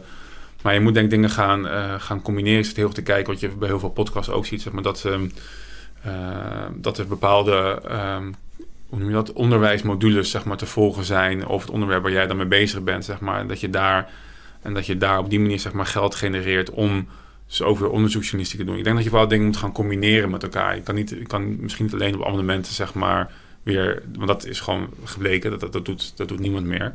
Dus je moet iets erbij gaan, uh, moet een beetje, uh, ja, net zoals wat ze, wat vroeger op een gegeven moment, toen de CD dus ook door internet zeg maar eruit ging, um, en cassettes en dat soort dingen, toen um, vroeger was zo dat dat was waar plaatlabels hun geld aan verdienden, zeg maar. En verder wat de artiest dan deed, zeg maar, met tours en zo, dat was meestal gewoon hun inkomsten. Daar verdienden ze vaak ook meer mee, veel meer mee, zeg maar, dan, dan aan die CD. Maar op een gegeven moment eh, liep dat zo terug, zeg maar, dat dus de plaatmaatschappijen zeg maar, een soort van... ja, maar wij willen eigenlijk met alles wat je doet, willen we ook meevinden. Dus merchandise en, pla en, uh, en tours en eventueel de Spotify luister, uh, aandeel luisteraars en zo nog. En dat noemen ze, dat noemen ze dan de 360 degrees deals. Dat, mm. ik weet niet, voor mij is het echt alweer... Ik weet niet hoeveel jaar geleden was dat, dat, dat ik daar zeg maar... Uh, dat dat zeg maar een soort van een omslag in, in kwam. En denk in nieuws en media moeten we hetzelfde doen, weet je wel. Dus als je nieuws brengt, dan moet je dus ook die community erbij bouwen. En moet je misschien ook merchandise en ook uh, donaties en ook events en ook, wat ik zeg, cursussen en zo, weet je. Dus je moet het meer misschien niet direct logische bronnen voor journalistiek moet je inkomsten gaan genereren om die journalistiek zeg maar goed te kunnen doen. En ik denk ook dat mobile journalism of citizen journalism zeg maar ook een grotere rol kan spelen omdat we nu gewoon allemaal connected zijn met het internet. Dus wat meer decentraal dan, dan, dan echt zeg maar een aantal um, uh, onderzoeksjournalisten. Maar een, een combi, een, bre een brede combi denk ik. Ja, ja, want dat, dat, ja, het liefst had je gezien, zeg maar, dat dan dat hele mainstream uh, journalisme, uh, of dan die, de, de, grote kranten, de grote tv-zenders, dat die gewoon verdween, zeg maar. Hè? En ja. dat het gewoon wegging. Mm -hmm. ja, jullie hebben geen rol meer in deze leven, ga maar weg. Maar niks gaat zomaar weg. Hè? Het, is altijd, het blijft altijd klampen tot, tot, tot, tot het laatste punt dat ze er alles ja. uit hebben gemeld. Je, je had een tijdje geleden over, net had je het over die antitrust uh. Ja. Uh, dat dus uh, in Amerika niet bedrijven zo groot mogen worden dat ze de boel gaan lopen, dat ze een monopolie hebben. Mm -hmm. Maar ja, als je kijkt naar het huidige bedrijfsleven met de Vanguards en de BlackRocks en naar het medialandschap, waarbij het alleen nog maar een paar hele grote eigenaren zijn, uh, ook hier in Nederland. Uh, en ook gewoon naar de supermarkten, naar de, de, de voedselvoorziening. De, alles is alleen nog maar een handjevol gigantische bedrijven. Die, mm -hmm. ook al ziet het er misschien decentraal uit, omdat het een eindeloze hoeveelheid aan keuzes zijn, altijd terug te leiden is naar één, twee, drie corporaties die de hele zooi in zijn hand hebben. Yeah. Waar, waarom hebben we antitrust laws? Waarom, waarom, hoe, waarom wordt dat niet gehanteerd? Of hebben ze een ja. loophole gevonden of zo? Hoe zit dat? Nou ja, ik weet niet hoe dat... Weet je, het zijn... En ook meer... Big Tech trouwens natuurlijk. Hè? Dat is ook uh, zeg maar drie, vier, vijf bedrijven die alles hebben zo'n beetje. Ja, het is lastig omdat het gewoon... Omdat, net zoals met heel veel regels, gewoon niet te handhaven is. Want hoe, hoe definieer je, zeg maar... Um, een, een, een, een eenheid. Bijvoorbeeld als je kijkt naar. Doe, als ik als persoon een BV heb, zeg maar hier in Nederland, die, en ik open als persoon nog een andere BV, zeg maar, die dingen zijn daardoor niet juridisch op enige manier aan elkaar gelinkt, zeg maar, weet je wel. Dus ik kan zoveel bedrijven beginnen als dat ik wil. En, um, um, maar dat is, wordt er niet gezien als zeg maar één bedrijf. En het hoeft ook niet zeg maar, juridisch een entiteit te zijn om een monopolie te kunnen hebben. Je kan natuurlijk gewoon achter de schermen van alles doen en organiseren en regelen, waardoor dat, waardoor dat, uh, waardoor dat zeg maar, een soort van als een eenheid opereert, als een monopolie opereert. Wef. ja, precies. Dus dat, nou inderdaad, weet je, dan krijg je dat. Dat is ook, dat, weet je, het werkt gewoon niet. Ik moet nu denken aan, aan die, en wat je net nu ook gaat krijgen, de, de uh, wetten rondom financiering van politieke campagnes in Amerika. In Amerika zijn ze heel streng daarmee. Veel strenger dan in, dan in, in, uh, in Nederland. Nee. Ja, je mag dus als privépersoon mag je geloof ik 5000, 5300 nog wat, echt een heel weird bedrag, 5374 dollar geloof ik, geven aan een campagne. Zeg maar, dan max. die de superpacks en zo. Uh. Nou, dat, wat krijg je dan? Oké, okay, ik mag het niet aan die persoon geven. Nou, dan, dan start ik wel een stichting. En die stichting heeft, zit, zit niet aan die regels. Weet je, niet verbonden per se aan die kandidaten, zeg maar direct. Het is een andere entiteit geef ik dan die, aan die stichting. En dan gaat die stichting het geld wel uitgeven aan campagnes. En ja. zo, weet je wel. Ja, dus... Maar ja, dus dan heb je dus hier een situatie hè, waarbij dus de hele tijd overheidsbemoeienis komt worden om de grote spelers te drukken. Onder het mom van uh, ja, meer uh, we zorgen voor het volk. En vervolgens maken ze voor allemaal kleine spelers heel moeilijk om überhaupt te participeren. Die drempel wordt super hoog. En spelen ze alleen maar die grote bedrijven en corporaties meer in de hand. Ja. Omdat die wel de middelen en, uh, hebben om dan aan die regels te voldoen. En zij eigenlijk vrij spel krijgen. Ja, en ik kan me bijna afvragen van ja, is dat per ongeluk of is dat gewoon door lobby? Weet je, dat is ik bedoel, ook van een van de mooie dingen dat was dat Jeff Bezos van Amazon zich heel druk maakte om het minimumloon. En twee maanden later zie je een berichtje van uh, Amazon Fully Automated is warehouse met drones en robots, weet je wel. Dus gewoon geen mensen meer die aan te pas komen in dat, in dat warenhuis. Ja, hij heeft geen last van een minimumloon, Maar de, de bakker op de hoek, zeg maar, eh, die dat personeel gewoon nodig heeft, ja, die en, en overal in de marge al wordt geknepen, die wel. En dat, dat is inderdaad ook het hele.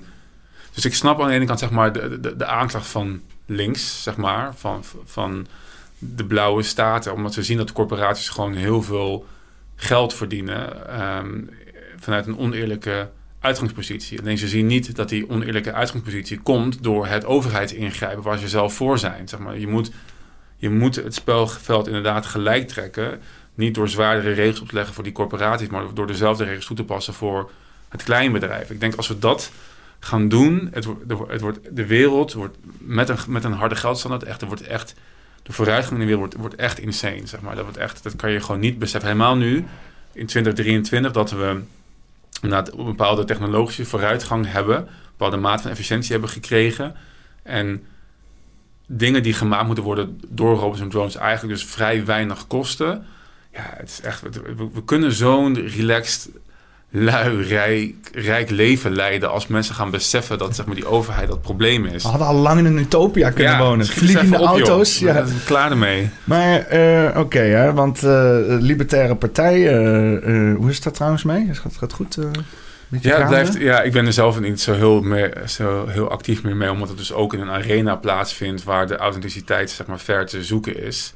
En ik denk dat politiek altijd uh, de cultuur van de maatschappij volgt. En ik heb gewoon gemerkt in tien jaar tijd dat mensen niet op het idee zitten van eigen verantwoordelijkheid. Dus het blijft, uh, het blijft groeien, de leden blijven groeien, zeg maar. En dat is, uh, dat is mooi. Maar ik merk dat ik dacht van... Ik wil ook niet meer die interne partijpolitiek te veel mee bemoeien. En ik denk, ik blijf ook denken dat media het allerbelangrijkste is. en dat de rest dan vanzelf komt. En ik merk, wat ik mooi vind aan de LP en wat, wat, is, wat het de sterkte, het sterke en het zwakte van LP is, dat het zo'n inhoudelijke, inhoudelijke partij is. Het is zo'n filosofische partij. Ze weten precies wat wel werkt, economisch gezien, zeg maar, weet je wel. En uh, vaak verzandt de activiteit dus ook in dat soort discussies. In plaats van dat je naar buiten treedt en, zeg maar, en mensen probeert aan je te binden die totaal niet vanaf je achtergrond komen. Zeg maar. Die klik naar de, naar de stemmers, naar, naar het, het grotere, reguliere normaal, ja, normaal wat ik veel, eh, standaard mainstream denkende publiek, die wordt heel moeilijk gemaakt. En ik, daarom ben ik die podcast begonnen, zeg maar, omdat ik dacht van, weet je wat, ik stop met mijn voorzitterschap. Ik stop met ehm, eigenlijk actief lid zijn. Ik wil dat een bestuur iets anders doet en dat er een, misschien nog een politieke kliek is die zijn gescheiden. Maar ik wil me vooral richten op die buitenkant, zeg maar, op het bereiken van mensen. En daarom ben ik met Boris Vier van Valentijn begonnen, begonnen als campagnemiddel, zeg maar, in, in 2021 om libertarisme en mijn standpunten zeg maar, als kandidaat voor de Tweede Kamerverkiezingen een soort van bekend te maken. En, maar ik merk nu twee jaar, nu twee jaar later, ruim twee jaar later, dat ik denk van het middel wordt, wordt nu meer het doel, zeg maar. Dus ik eerst was het podcast een middel om het doel, zeg maar, Tweede Kamer uh, zetel te krijgen. En nu denk ik van nee, maar die media en die, dat, dat, dat, die community en het onderwijs en die cohesie weer vinden, zeg maar, die manier, dat is veel belangrijker dan een politieke uh, campagne en carrière. Hetzelfde beetje waar de FVD ook tegenaan loopt, hè? Op wat voor manier? Ja, die, die uh, Thierry Baudet die heeft op een gegeven moment zelf gezegd van ja, dat via die politiek en zo gaan we het allemaal niet bereiken. We moeten juist alle wegen eromheen, zeg maar, ja, gaan bewandelen. Ik denk dat hij het wel grappig, want dat, uh, eerst dacht hij helemaal niet zo, maar hij is echt volgens mij een soort van gedesillusioneerd geraakt door het meedoen aan het politieke proces. En je ziet, ik word ook moe van als ik naar kijk, zeg maar, die discussies. Ook zo in, in authentiek als maar kan niet op de inhoud wordt, ingaan. Wordt niet eens gedebatteerd in de Tweede Kamer. ik, ik, ga kijken naar debatten. Waar is het debat? Nee, nee. Of, of je staat in je eentje te oreren, zeg maar, voor een lege zaal. Of het is een belangrijk thema en dan komen alle, alle, alle usual suspects komen naar de zaal toe... en die gaan dan hun one-liners tegen je af zitten, zitten steken en zo. Er is niet meer een inhoudelijke discussie over waar je voor staat... en waarom je, dat, waarom je op een bepaalde manier iets vindt. Dus ja, ik denk dat hij echt... Uh, Thierry met FVD echt, echt denkt van ja... ik kan je niks bereiken. We moeten die cultuur veranderen. En dat, dat geloof ik ook heel erg. Is uh, wetgeving te ontmantelen? Uh, op, op, ja, ik wil zeggen, maar het, is, het heeft allemaal met dat culturele proces te maken. We moeten toe naar een culturele revolutie. Zeg maar. Dat is gewoon waar, waar we heen moeten. En als dat plaatsvindt, als we anders gaan denken, dan, dan volgt die wetgeving zeg maar, vanzelf. Maar, maar is, want uh, elke keer als je ziet dat er iets nieuws moet komen, een omslag. Dan komt er alleen nog maar weer een nieuwe laag wetgeving bovenop. Ja. En inmiddels is onze wetgeving zo'n kluwe van bullshit geworden. Mhm. Met uitzonderingen. En eh, kijk alleen naar het wetboek van strafrecht. Het slaat helemaal nergens meer op. Nee. Dus gewoon, dat is, een- ja, gewoon eh, de, de 5000 pagina's aan manier hoe de grondwet te omzeilen, zeg maar. ja. En eh, zo zie ik het ook met alle regels voor whatever the fuck. Weet je, ook, ook met klimaatonzin en zo. Ja, dat geeft bedrijven alleen maar meer handvaten om loopholes te vinden. Om alsnog te kunnen blijven doen wat ze willen doen. Ja. ja, het is niet meer wetten en regels horen voor iedereen begrijpbaar te zijn. Het moet gewoon, moet gewoon beknopt en, en, en to the point. En dat is niet meer wat het is. Weet je. Het is allemaal in duizend, uh, duizend vormen en zinnen en woorden ge- gevat. En het is wel interessant, want ik denk dus dat, dat het ook nieuw is voor... We leven wat dat betreft in, in een unieke tijd, zeg maar. We hebben nooit zoveel wet en regelgeving gehad als nu. Weet je, nog nooit zoveel overheidsinmenging... eh, maar ook no- nooit zoveel technologische dingen tot ons, weet je, ehm, voor en tegen ons hebben werken.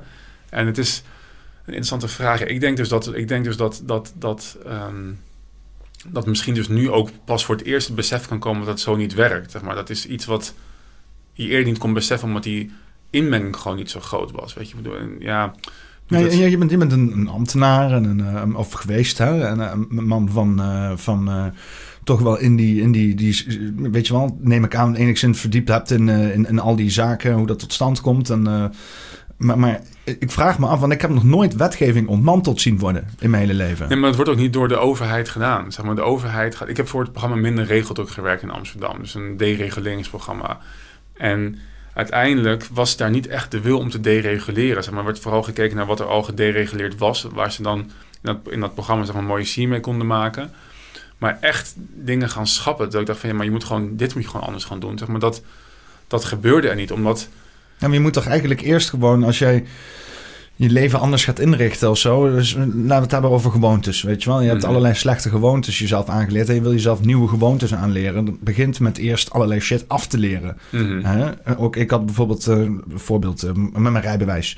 Hè? Ik, voordat ik mijn rijbewijs had, reed ik al auto, omdat ik dat leuk vond. Ik wil heel graag auto rijden en ik kon niet, ik kon niet wachten. Dus ging joyriden en zo. Had ik mezelf allemaal dingen aangeleerd. Hè? Mhm. Van hoe ik, hoe, ik, hoe ik reed zonder eh, instructeur. En toen ik dus op een gegeven moment eh, les ging hebben, eh, toen Mhm. zat, die, zat die instructeur zat naar me te kijken. Die zei van... Volgens mij eh, veel auto gereden, eh, of volgens mij of niet. Ik zei ja, hij zei, nou, zo ga je niet slagen, weet je. Want we moeten eerst eens even beginnen met wat dingen af te leren. ja. Hè? En ik- zo zie ik dat volgens mij ook met, met, met, met regelwet en regelgeving. Dat voordat er nieuwe dingen moeten komen, moet je eerst echt dingen gaan schrappen. Kijken Mhm. waar dus de pijnpunten liggen als het loopt zonder die regelgeving. Mhm. En alleen nog maar de essentiële dingen aanpakken. Mhm. eh, daar waar het fout loopt. Ja, maar dat, maar dat komt denk ik niet vanuit de ambtenarij of de politiek, zeg maar. Weet je, want dan, dan Waar begint dat dan? bij ons, bij dat wij, dat iedereen, want ik bedoel, nu is niet, wij, wij hebben het gesprek, maar de meeste mensen in Nederland die, die denken als we niet de veelheid aan regels zouden hebben die we nu hebben, dan zijn we morgen allemaal dood. Dat is wat ze geloven. Dus daarom gaan ze niet een, een druk krijgen, zeg maar, van Ja, maar dan moeten dan mensen toch. Maar, dan, maar je moet dan ergens op, op, op, op stemmen of gewoon niet aan de regels houden. Hoe zie ik dat voor me praktisch gezien? nou, je moet, je moet, ik, Want als bedrijven zich niet aan de regels houden, krijgen ze vette boete en dan komen ze helemaal nergens meer. Ja, ik ben sowieso wel een beetje voor, zeg maar, dat, hele, ehm, hoe noem je dat? Dat eh, counter economics, zeg maar, gewoon dingen als bitcoin, zeg maar, gewoon, bitcoin is gewoon een alternatief voor, weet je, het fiat geldsysteem, eh, waar iedereen gewoon aan mee kan doen, wat niet, niet eh, ja, eigenlijk bijna gewoon niet, niet te stoppen is. Maar dat moet je dus, dat soort van counter economics, eh, black markets, zeg maar, black, mar black, mar black markets matter, heb ik laatst een keertje ergens gezegd. eh. en dat is precies wat het, wat het, wat het is. Dus je moet alternatieven gaan inzetten totdat het zeg maar dat, dat, dat, dat normale systeem niet meer doet. Ik zag, wie had het nou laatst had het, zag ik ergens over ehm, Italië en de economie van Italië vergeleken met Frankrijk. En Italië heeft 10 miljoen minder mensen, zeg maar, ehm, eh, als inwoneraantal dan Frankrijk. En Frankrijk heeft ook gewoon een, veel groter eh, eh, bruto binnenlands product. Maar toen was er een soort van onderzoek gedaan naar van hoeveel geld geven die mensen uit aan kleding. En toen bleek dat ehm, weet ik veel, hoeveel miljard meer Italianen aan kleding uitgeven. En dan kan je denken, Italianen zijn natuurlijk gewoon ook wel modemensen. Dus dat is, dat dat zit daar iets in met, je, met de Gucci's en de Prada's en al die shit en zo. Balenciaga. Ja, precies. Maar, maar wat, hij, wat, wat die guy ook zei, of wat, weet niet wat ik dat artikel ook zei, is dat van... Maar het kan ook een maatstaf zijn voor iets wat we ook al heel lang weten. Dat er een heel groot zwart-grijs circuit zit in Italië. En dat Italië misschien wel veel rijker is dan de statistieken zeg maar, doen voorkomen. En dat zie je dus in het uiten van hoeveel geld ze uitgeven aan, aan kleding. Ik vond het zo'n mooie, mooie soort van... Even, ja, het is niet wetenschappelijk, dus je kan het niet helemaal op vastbinden. Maar ik kan me zo indenken dat Italië veel vrijer en rijker is dan we denken. Omdat ze gewoon buiten de overheid om allerlei dingen hebben georganiseerd. Ja. Die, die hebben dan ook die ruimte daarvoor, hè? Nee, maar dit is nog steeds illegaal. Ja, maar ja, kijk, in Nederland is die handhaving wel. Ik bedoel, ons motto in Nederland is niks, niks bij zullen handhaven. En dat wordt hier ook zeker gedaan. Hoe, hoe, dan? Hoe doe je kan. Ja, als het zeg maar zo mondiaal wordt in Nederland dat het, uh, dat het, dat het niet meer handhaafbaar is. Nee, maar je kan niet handhaven als ik jou zwart betaal voor iets, zeg maar. Ik bedoel, het is angst. Mensen doen niet uit angst, maar het gaat om zwart inkomen, belastingvrij inkomen genereren. En, en, angst voor NSB'ers en zo. Ja, maar dat, ja, en daarom, ik bedoel, ik, ik uh, heb het nog wel eens gedaan bij iemand uh, die langskomt de klus en zegt van, ik hoef geen factuur weet je wel. Hier heb je het gewoon cash. En daar moet cash ook gewoon worden uitgebannen. Maar mensen doen het vaak niet. Ze durven het niet. Inderdaad uit angst voor diegene die het vraagt, het, het gek vindt of raar vindt of zo. Of dat ze worden gesnitcht. Of dat uh, en die persoon die het vraagt, die is bang dat, dat jij hem snit. Dat jij een, een uitlokker bent, zeg maar. Maar Italië heeft dus inderdaad een andere cultuur. Die denkt, ja, maar dit is gewoon, dit is altijd al normaal geweest. Dus iedereen groeit ermee op en iedereen doet het ook gewoon. En ik denk ook best dat je daar veel handhaving is. Het is best wel een ding namelijk. Het is echt ook een aanspraak van de overheid dat dat zwarte circuit, dat ze daar iets mee, uh, mee willen. Ik heb het ook, toen ik een blauwe maandag uh, economie heb gestudeerd, was het ook een, uh, een casus die ik zeg maar voorgelegd kreeg. Het is echt een bekend probleem in Italië dat ze zo'n groot zwart circuit, of grijs circuit hebben. En dat heeft niks met minder handhaving te maken of minder regels. Want anders als het zo mogen, zou het niet het zwarte circuit heten. Nee, het is gewoon dat zij dat gewoon maar doen. Ja, ja. Ja, en ik, ik, merk het zelf natuurlijk ook. En ja, je moet het dan inderdaad een hoop met cash doen en zo. Ja. Nadeel is dat je niet alles kan betalen met cash. Ik kan helaas niet met mijn pak geld naar, de, naar Vivare gaan en uh, zeggen van... hier, dit is mijn huur voor de komende maand. Ja. Dus, dus in, in die zekere zin, dan moet je het toch altijd weer terug het systeem in, in helpen. Maar ik moet heel eerlijk zeggen ik kan me niet voorstellen dat er genoeg ambtenaren zijn om de, transacties zo klein als die, zeg maar, mhm. allemaal in de gaten te kunnen houden. Nou, dat is dus het tweede punt. Eén wat ik nog zeggen, je moet dus iemand vinden die, die jou een huis verhuurt, die cash of bitcoin gewoon prima vindt. Ik bedoel, die zijn er ook. Niet alles gaat via een soort van instituut. Um, maar twee, dat, is dat weet ik ook weer vanuit eh, zeg maar, mijn, mijn, mijn, mijn tijd bij Amsterdam, of überhaupt bij de overheid, is dat er is geen tijd en geld voor handhaving, zeg maar. Weet je, daar ging het programma minder regeldruk ook over. We gingen kijken van, een van de, van, wat een soort van criteria-lijstje opgesteld van, moet die regel blijven of niet? En een van de dingen is die regel te handhaven, zeg maar. Want eigenlijk was de, was de redenatie, als je niet kan handhaven, dan kan je het goed schappen, zeg maar, weet je Dan denk ik dat dat, ik wil niemand op idee brengen, een beetje te kort de bocht, maar dat die regel er is, dan gaan mensen zich er gewoon al vaak uh, aan houden. Maar het is 100% bekend dat handhaving is gewoon niet te doen. Zeg maar. Daar hebben ze gewoon niet de middelen en capaciteiten voor, uh, ondanks hun geldprinter die ze hebben staan, om dat te doen. Dus dat gebeurt echt maar heel spaarzaam. Weet je. Ook Belastingdienst controleert nog geen procent, geloof ik, van de aangifte. Weet je. Die doen altijd steekproeven. Dat is hoe ze controleren. Dus als jij... En als jij weet zeg maar, wat je kan doen met zo'n aangifte, weet je, dat je een beetje binnen lijntjes blijft, of, of je zegt van, weet je wel, fuck it, die ene procent, ik gok het er gewoon op, ik ga helemaal los met mijn aangiftes. Uh, ja, dan word je denk ik niet zo snel gepakt. En dat is dus het hele probleem met die aankomende. Daarom krijg je CBDC, 15-minute cities en al die digitale, digitale en AI-controle. Ehm, want dan gaat het gewoon op, op algoritme, zeg maar. Val je uit de band met je bestedingspatroon, dan word je geflekt en dan word je gecontroleerd, zeg maar, weet je. En ze gaan dat, dat, soort, dat soort big data-achtige manieren gaan ze mensen controleren. Maar dat is nu zeker nog niet zo. En ik weet niet hoe snel dat er wel gaat zijn. En misschien en hopelijk helemaal niet als we allemaal een beetje wakker worden en daar... wat meer tegen terug gaan duwen. Ja, want de Belastingdienst is eigenlijk uh, niet echt uh, heel goed in wat ze doen, hè? Nee, ze hebben ook echt systemen uit het jaar nul, geloof ik. Ze zijn bang dat als ze, ze nog keer... met punchcards werken daar en zo. Ja, ja nee, ze zijn bang als je één keer verkeerd doet, dat, zeg maar, dat, dat het MS-DOS-systeem... Voor mij draait nog steeds MS-DOS zoiets, weet je wel. Het is echt super, echt dat pre-Windows uh, besturingssysteem. Het, ze schijnt echt dat het, dat het ook... Dat het, um, dat zie je wel vaker bij, bij verschillende overheden. Het is echt...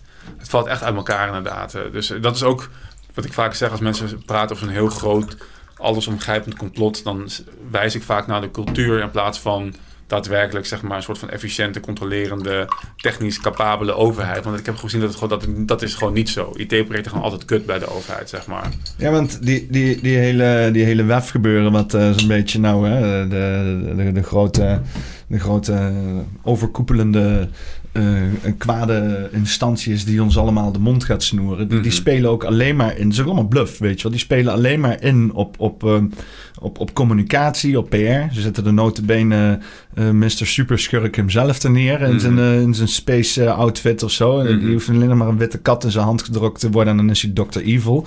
En ik, ik heb echt het idee dat ze echt gewoon inspelen op, die, op dat idee dat de macht daar ligt of zo. Dat ze gewoon zichzelf pretenderen, te zijn dan dat ze daadwerkelijk zijn. Terwijl het volgens mij allemaal mensen die, die, die 24-7 een box hebben volhangen van de scheid samenkomen om te kijken hoe ze hun eigen hachje kunnen redden daar. Ja, ik vind het ook altijd wel... Twee dingen denk ik van. Soms is het zo... Ja, blatant, hoe zeg je dat? Zo, zo in your Over, face. Overduidelijk. Overduidelijk. Dat ik denk van je zit me gewoon te fucken nu, zeg maar. Je hebt gewoon letterlijk, je hebt gewoon Austin Powers gekeken. Je denkt van, deze gast gaan we gewoon naar voren schuiven. Gewoon voor de, voor de, voor de fun of it, weet je En dan, en dan, en weet je, hoe ver kunnen we deze mensen knopjes gewoon drukken, weet je? Hoe hard kunnen we gewoon in hun gezicht liegen en, zonder, en, dat ze het gewoon slikken? Maar ook die PR-filmpjes, weet je wel? You will own nothing and you will be happy. Ja. ik, ik denk echt van, serieus? En ook tijdens die pandemie, weet je wat ik echt denk van jullie, jullie willen graag gewoon de, de bad guy spelen of zo. Jullie willen graag dat jullie uh, de, de, de, de, de, grote controlerende overheidsmacht, uh, weet je waar, dan kan Klaus Schwab met ze uitspreken. Wie, wie wil penetrate the cabinets en al dat soort dingen. Nou, ik denk, volgens mij hebben ze echt letterlijk aan de achterkant uh, overleg van, oké, hoe kunnen we zo, zo, zo evil en machtig mogelijk overkomen, zodat iedereen naar ons kijkt, weet ja, je Ja, of, of hoe, welke, wat ik altijd heb van, wat kunnen we allemaal zeggen zonder dat er zeg maar hooivorken de straat op, uh, opkomen. Ik heb echt een soort van elite game is. En we gaan gewoon kijken wat we allemaal kunnen zeggen. En, voordat, voordat, en wij gewoon ons ding kunnen blijven. Dat denk ik heel vaak. Maar aan de andere kant denk ik ook van als je kijkt naar bijvoorbeeld... Wat, wat heel ver is trouwens. Ja, echt. God, ik had al lang hooivorken verwacht, maar die dingen die blijven angstvallig lang in de schuur liggen. Steeds uh, een beetje kijken van, nou, misschien is het nog niet zo erg. Misschien, misschien dan wordt het uh, beter. Misschien bedoelen ze het allemaal niet, uh, niet zo. En de andere is, zeg maar, wat ze doen. Het is namelijk gewoon wat ik, wat, en het is misschien een combinatie van beide, is dat het is natuurlijk wel hun geloof. Klaus Schwab gelooft 100% dat als hij het niet doet, dat zegt hij ook heel vaak van, we have to do this, we have to, it's our duty to whatever. Weet je, hij zegt heel, hij houdt heel erg op van dat de tijd van de vrije markt voorbij is en dat tijd is time voor stakeholder capitalism. En weet je, hij ziet zichzelf als een soort van enlightened being die alle overheden van de wereld even instrueert over van jongens, moeten nu echt met z'n allen daaraan trekken, want anders gaat het helemaal fout, weet je. Deze, ik geloof wel dat hij gelooft dat hij, dat hij echt iets goeds aan het doen is en dat, er, en dat hij het beter weet en dat heel veel mensen zoals Rutte dat ook uh, geloven, weet je wel. Ja, we doen het, we doen het voor de greater good allemaal. Uh, dat zijn heel veel mensen die in, die, in, die, in dit systeem zitten en dus ook gewoon zeggen, ja, we, je gaat, ik bedoel, you own nothing, you happy. Ik vertelde net over die deelauto's in, uh, in Amsterdam, zeg maar, weet je wel. En dat, Elektrische deelauto's. Ja, maar het werkt ook echt. Ik, bedoel, ik, ik heb zelf een auto en ik, ik, ik, gebruik het niet heel vaak. Dus de keer dat ik het gebruik, is het gewoon heel relaxed dat ik mijn telefoon kan pakken en zo'n ding van straat haal, zeg maar. En, uh, en dan echt naartoe rijden. En op het moment dat het eigendom is van een privaat bedrijf die gewoon, zeg maar, zijn ding gewoon goed op orde heeft, is het ook helemaal geen probleem. Alleen ja, ik zie natuurlijk ook wel een beweging dat dat, dat steeds meer een soort van gedwongen wordt en niet vrijwillig is. Um... Ja, wat onderdeel van dat hele gebeuren is, want het zit er natuurlijk al naar middenin, eh, weet je wel. Want uh, een, uh, een uh, Airbnb, uh, een rentecar, car swap, Uber, die hele stapjesinvasie. Mm eigenlijk eten thuis bezorgen, dat hoort daar mhm. ook bij. Hè? Je hoeft niet je eigen keuken te hebben. De keuken is mhm. uitbesteed op een centraal punt en kan het gewoon naar je deurlijn blijven komen. Dat hoort allemaal al bij die zogenaamde you will own nothing and you will be happy maatschappij. Ja, en dat vind ik dus ook heel dubbel, omdat ik dus ook wel geloof dat er... Dat er het, wordt problematisch op het moment dat de overheid zeg maar, het te zwaar reguleert of het gewoon bezit, zeg maar. Weet je? Want dan is het. Want het is denk ik niet zo erg dat ik. Nou ja, ik denk dat het beter is als ik wel iets heb maar ik, hoef niet per se iets te bezitten. Maar als het dan wel zeg maar, een soort van private uh, entiteiten, dus BV's, NV's, uh, weet ik veel, het dan alsnog bezitten en niet de overheid, dan, dan kan dat ook prima. Zeg maar. Daar is niet direct iets, iets uh, verkeerds mee. Maar dat zit natuurlijk in een in een traject, in een tendens van ja, maar je gaat, de overheid gaat alles bezitten en besturen en bepalen. En dus ook de knop kunnen uitzetten op het moment dat zij het er niet mee eens zijn. Of dat jij politiek niet acceptabele dingen zeg maar uit. Uh, ja, maar dat zie je in China natuurlijk nu. Dat je uh, het social credit system hebt. En dat je dan inderdaad... Uh, je hebt volgens mij Shenzhen, volgens mij... Een van die technische, mm -hmm. technologische hoogstaande sectoren van, van Amerika. Mm -hmm. Van China bedoel ik. Mm. Um, volgens mij is dat... we gingen ook vanuit onze opleiding... Gingen daar, hadden we een uitwisselingstraject hadden we daarmee. Ja. eens even kijken welke... Want ik weet wel waar het ligt. Ik weet alleen niet... Voordat ik het ver, ver, ver, vervang met met uh, het, de gedeelte waar de Oeigoeren zitten. oh nee, dat is Xinjiang inderdaad. Dus Shenzhen was dat inderdaad. Uh, ligt hier, hier, Xinjiang volgens mij is dat dit. Ja, ja Shenzhen. Oh ja, Shenzhen inderdaad. Ja. ja. Dit, dit is, dit is inderdaad dat, dat technologisch hoogstaand. Het is een beetje... Ja, het zit ook tegenover Hongkong inderdaad. Grappig. Dat zeg maar de Silicon Valley van China is dat. En uh, daar hadden we dan zo'n uitwisselingstraject mee met... Uh, met uh, trouwens, sorry. Nee, vertel ja? je Nee, nee, nee, ga zeg maar. Ja, ik wist nooit dat Hongkong zo dicht daar... Ik dacht dat het een eiland was, eerlijk gezegd. Heel ja, het is, het is net een eiland. Ja, het, is, eiland. het is... Het is, je, ja, er zit een rivier tussen, zeg maar. Oh, ja. Dus, maar het is... Het is, ja, net het is meer onderdeel van China dan ik uh, dacht. Oh, Taiwan is natuurlijk een eiland, dat was het. Uh, ja, je, je hebt een Hongkong-eiland, zeg maar. Ja, maar die, die, zijn ook half aan, uh, ja, ja, okay. half aan boord gegaan. Oké, okay, ja, sorry, wat zei je? Ja, maar dus ja, want we hadden daar zo'n zo'n uitwisselingstrek mee. Dus ik kreeg ook echt verhalen terug van, van, van mede-klasgenoten zo die daar gewagen heen waren gegaan. En nou, dat daar gewoon alles helemaal technologisch geïntegreerd was. Maar dat ging dan ook gepaard met bijvoorbeeld een, een supervrije markt. Hè? Dus je had daar gigantische markten waar gewoon iPhone onderdelen en Android onderdelen verkocht worden. Je kon alles kopen. Je kon daar gewoon je hele mobieltje in elkaar zetten. En mm. hier mag dat niet eens. Hè? Want mm. hier... Uh, uh, dan krijg je Apple of, uh, of Google op je dak met ja, allemaal boetes. Daar zijn ze ook illegaal bezig, maar dan boeit niemand het wel. Ja, nee. Maar uh, uh, dat is inderdaad die, die, die, die, die technologische shit. Want ik heb dus dingen gehoord dat je dus, en dat heb, zie je ook op filmpjes, maar dat is daar dus echt dat hè, als je de, door rood loopt, dan word je publicly geshamed met je foto ja. daar op straat. En, uh, maar dat, dat is alles inderdaad technologisch geïntegreerd is. Je hebt daar zeg maar alleen maar apps. Hè, dus niet echt een open vrij internet, maar alleen maar apps die dan jou in banen sturen zoals dat dan helemaal in, ingericht is. Um, Um, Weibo, nee, ja. dat ook allemaal niet. Weibo. Ja, ja, ja. ja, ja. Maar uh, uh, ja, als je dat paart met dat hele social credit system, uh, als je dus inderdaad je volledige leven zo hebt ingericht, hè, waarbij je eigenlijk zelf, en dat zie je in Hongkong ook, niemand heeft daar ruimte om te wonen. Dan wonen ze in de coffin homes en al dat soort dingen. Hongkong heeft een van de strengste ruimtelijke ordenings. Um, wetgeving zeg maar, ter wereld. Die hele woningmarkt is super, super gereguleerd door de overheid. Ondanks dat, dus, dat het zelf dus een heel soort van vrij land is, economisch gezien. dat moet dan ook gewoon, want het is ook gewoon echt... Het, is, het, is, ja, het, zit, zit helemaal dichtgeslipt hier gewoon... Uh, uh, maar ja, ja, het is nog lang niet zo erg als Tokio en zo. Dat is ook echt... Uh, en Tokio heeft dus weer een hele vrije ruimtelijke ordnings... Uh, je? ja. Ja, het is wel uh, daar allemaal feng shui en zo. Hè? Dat, ja, dat ook, ja, voor, ik hm. weet nog niet of het in Tokio was, maar in ieder geval sommige stukken van Japan... dan hebben ze zelfs de gebouwen feng shui ingericht. Oh, met zelfs nice. gaten in de gebouwen, zodat de draken, die, de spirituele draken... die van de bergen naar beneden komen, door de gebouwen heen kunnen en al dat soort shit. Maar uh, uh, wat ik in ieder geval wil zeggen... Uh, als je dit dus paart met dus die social credit system, hè, en dat is, nog, dat is nog niet 100% doorgevoerd, maar je ziet wel dat het allemaal in ontstaan is. Mm -hmm. Dat ze dat in Shenzhen is dat dan wel helemaal, zeg maar, dat dat uh, dat je dus ja, punten krijgt voor je gedragingen. Voor, vooral in het online is dat dan. Hè? Dus als mhm. jij je bepaalde belasting of corruptie of veel gokt of veel aan drank uitgeven, dat soort dingen, dan krijg je andere puntenscores. En daarmee kan je dan weer wel of niet nieuwe dingen doen. Mm -hmm. En maar ja, dat je dus inderdaad jezelf in de hand loopt. Dat ja, als je dus zelf niks meer hebt. Hè, je, je, bent afhankelijk van je trans, trans, tra, voor je transport uh, vanwege een of andere app. Uh, je kan alleen nog maar eten krijgen via een of andere app. Want zelf heb je geen keuken. Uh, of gas, wat mij betreft, of whatever. Je, je, kan alleen nog maar socializen, omdat je op die die netwerken zit, et cetera, et cetera. Dat dat inderdaad, als je dat koppelt aan je social credit system, dat je dan echt dan, zit je echt, dan heb je geen ruimte meer om een beetje te bewegen. Want dan als je dan inderdaad een keer de fout in gaat, dan wordt je echt alles ontnomen. Mhm. De gevangenissen is helemaal niet meer nodig. Nee. Geen gevangenis nodig, want ze kunnen jou letterlijk gewoon in een, in een gevangenis thuis neerzetten. Je kan geen eten meer maken, je kan geen vervoer meer eh, nemen, je kan helemaal niks meer.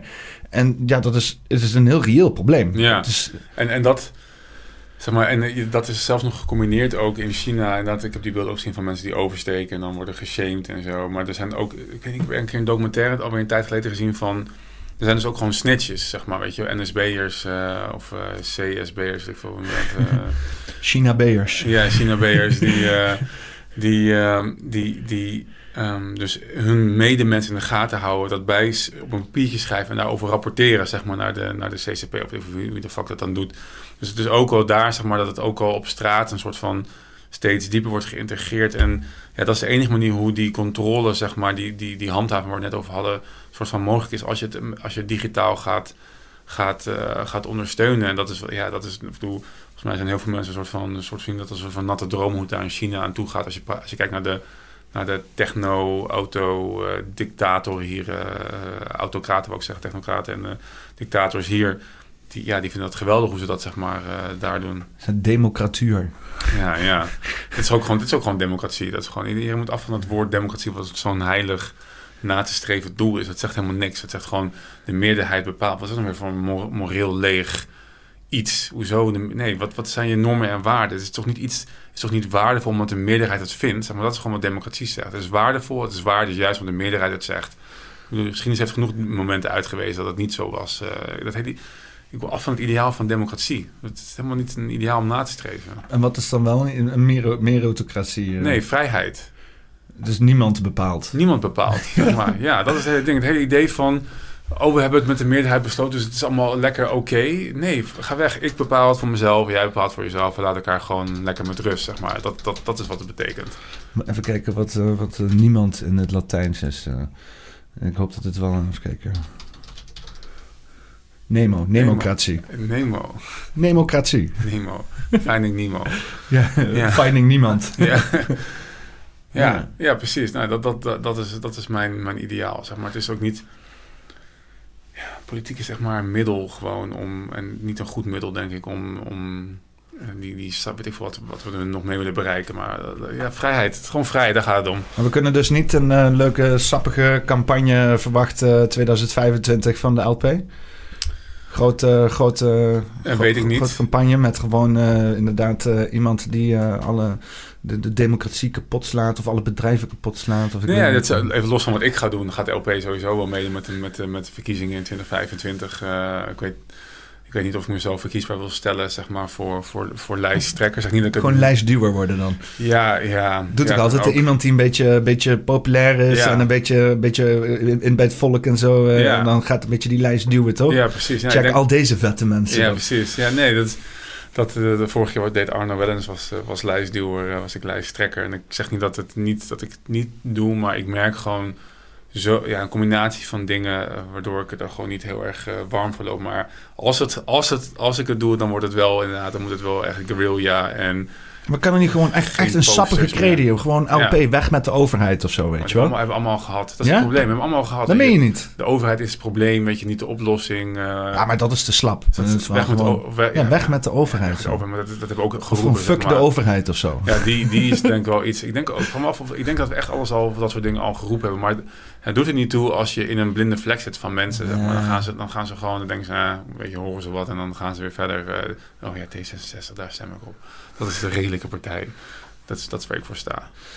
Ja, ja, dat stemmen. Het is natuurlijk mensen die stemmen. Dat is natuurlijk ook al een bepaald volk of zo op een of andere manier.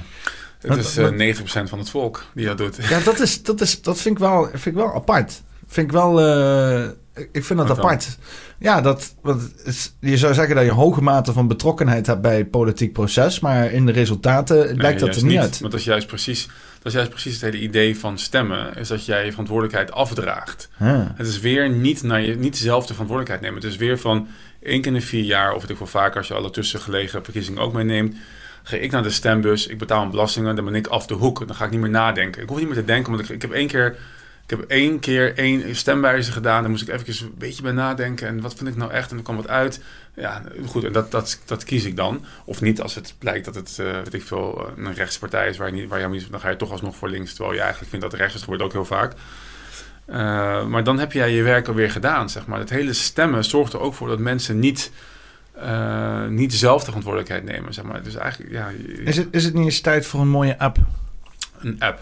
Een mooie app waarbij je zeg maar geen partijprogramma hebt, maar gewoon een soort van dashboard met een, uh, een vloeibaar geheel. Waarbij iedereen die lid is van de partij uh, participeert in dat dashboard. En dat daar gewoon een partijprogramma kan staan wat op dat moment de, de hot topics zijn die, die gediscussieerd worden. En dat dat dus constant uh, organisch verloopt. Dat je het echt zelf moet doen, zeg maar. Met, met dus, niet, dus, niet, dus niet je geeft je stem weg, maar mm. je participeert en je geeft jouw stem, geeft, jou, geeft je invulling. Ja, ja, ik bedoel je referent app, bedoel je dat? Precies eigenlijk ja. zoals referent app, ja. ja Alleen dan even iets flashier of zo. Ja, ja, het is een nieuwe versie. Ik heb niet gezien, hij is, Roman is bezig met een nieuwe versie. Ik zou binnenkort een... Uh, maar gebruiken jullie dat ook in de LP? Is dat... Uh... Nee, maar ik denk wel dat dat... Ik denk, nee. Ga dat eens gebruiken in de LP. Referent app of zo? ja, ja. Ja, nou, mensen die van LP die kijken... Ja, want hij is nu in zijn eentje mee bezig, Roman, toch? En die moet elke keer in zijn eentje al die uh, wetgeving ingooien en allemaal bijhouden. Wat natuurlijk een grote shit-taak is, want er komt allemaal niet een bak wetgeving voorbij de hele dag. Ja, klopt. Ja, en dat is ook waarom ik vaak met over heb van ja, we moeten het anders inrichten. Want die wetgeving is onderdeel van het probleem, zeg maar, onderdeel van het begraven in, in nonsens. Maar, maar het is, ja, ik denk dat ze ook weer zo gezien, technologisch gezien, zouden we dus veel betere systemen kunnen hebben, zeg maar, dan het eenmalig stemmen op een persoon, zeg maar. Ja, met die schoonheidswedstrijd één keer in de vier jaar, dat slaat ook helemaal nergens nee. op. Uh... Nee, dus, dus, maar goed, dat willen ze natuurlijk niet. Dus, dus er zijn, er zijn een aantal stappen naar zeg maar, het ideaalbeeld van waar we nu zitten, richting zeg maar, de vrijheid die ik voorzie. Kan je een aantal tussenstappen nemen van ik denk van het is allemaal richt de, de goede kant op. En een van de dingen is dus inderdaad een directe democratie. Maar het kan al met gewoon een heel simpel bindend referendum, zeg maar, weet je wel. Bindende burgerinitiatief, ik weet niet veel wat. Maar in ieder geval bindende stemmingen op onderwerpen waar wij bepalen wat, welke kant op gaat. En niet als raadgevend van, oh leuk, vegen we de af en gaan we verder waar we mee bezig waren, zeg maar. Maar echt gewoon, dat moet dan worden, worden gehandhaafd. En dat kan je dat doen op een referendum, maar je kan nu ook kijken naar, en dan liefst deze decentraal, dus dat je het per provincie nog, zeg maar, verandert. Maar als, en, nog een stap verder zou zijn dat, dat je echt op, op bijna elk onderwerp uh, dat, dat gaat doen. Maar als ik, tijdens ik dat zeg, dan kom ik dus bij mijn problemen. Nog steeds ben je met heel veel onderwerpen aan het reguleren. Weet je, nog steeds is het een, de wil van de meerderheid. En ik weet zeker dat als we een stemming hadden gehouden tijdens de coronapandemie, dat de meeste mensen stem, voor maatregelen zouden stemmen. Terwijl het nog steeds tegen mijn grondrechten ingaan. Dus dat vind ik nog steeds niet een goede oplossing. Bij veel dingen denk ik dat het wel mijn kant op zal vallen. Heel mooi, er was een, er was een, uh, een um, een peiling op, uh, voor mij, uh, um, ik weet niet wat voor nieuws, de lokale nieuwssite het was, maar die vind, was vraag, vind je het oké als cash verdwijnt? En iemand die ik ken, die was dat aan het volgen, die stuurde dat van, zei eerst zei van even, even stemmen. En vervolgens was um, na 23.000 stemmen, zag hij dat het zeg maar 3% was, uh, vond het niet oké, dat, de, dat cash wegging en 97% wel. En toen, hij, maar hij, woont in Dubai en hij ging om de zoveel tijd even een update sturen van, je ziet nu gewoon zeg maar, dat helemaal een soort van gelijk trekken. Dus alle stemmers die nog binnenkwamen, dat waren mensen die stemden van... ik vind het oké dat cash verdwijnt. Nou, dat is, dat is echt zo'n Joe Biden ding, weet je wel. Dat Trump ligt voor, eventjes midden in de nacht ligt het stil... in één keer alle stemmen die dan geteld worden... zijn allemaal voor Joe Biden. Maar statistisch gezien is het gewoon niet mogelijk. Dat zag je daar ook. Dus dat werd voor mij zwaar gemanipuleerd door, door overheid bots, zeg maar... die, dat, die, dat, die, die stemming, zeg maar, wilde, wilde skewen. Maar goed... Um, en je moet toch een soort van uh, verificatie van echt, uh, echtheid hebben op een of andere ja, manier. Ja, dus precies. En dat, en, maar, Gekoppeld maar, aan je DigiD. Maar ook nog als je die zou hebben en, en mensen zouden dus alsnog stemmen voor coronamaatregelen, dan zeg je van ja, ik vind het nog steeds niet legitiem, want het gaat in tegen mijn grondrecht. En daarom is de, de uiterste stap, de, de, mijn voorkeurstap is dus um, absolute vrijheid, zeg maar, zonder voorwaarden. Vrijheid zonder maar is een uitspraak in de libertaire wereld. Ja, ja. Maar ja dan, ja, dan moet je dus eerst inderdaad iedereen onderwijzen van het feit dat vrijheid goed is. Ja, dus... Het is goed om vrijheid te hebben. Ja, het is best fijn. Stop best, met angstig zijn. Ja. Vrijheid is fijn. Niet bang zijn. ja.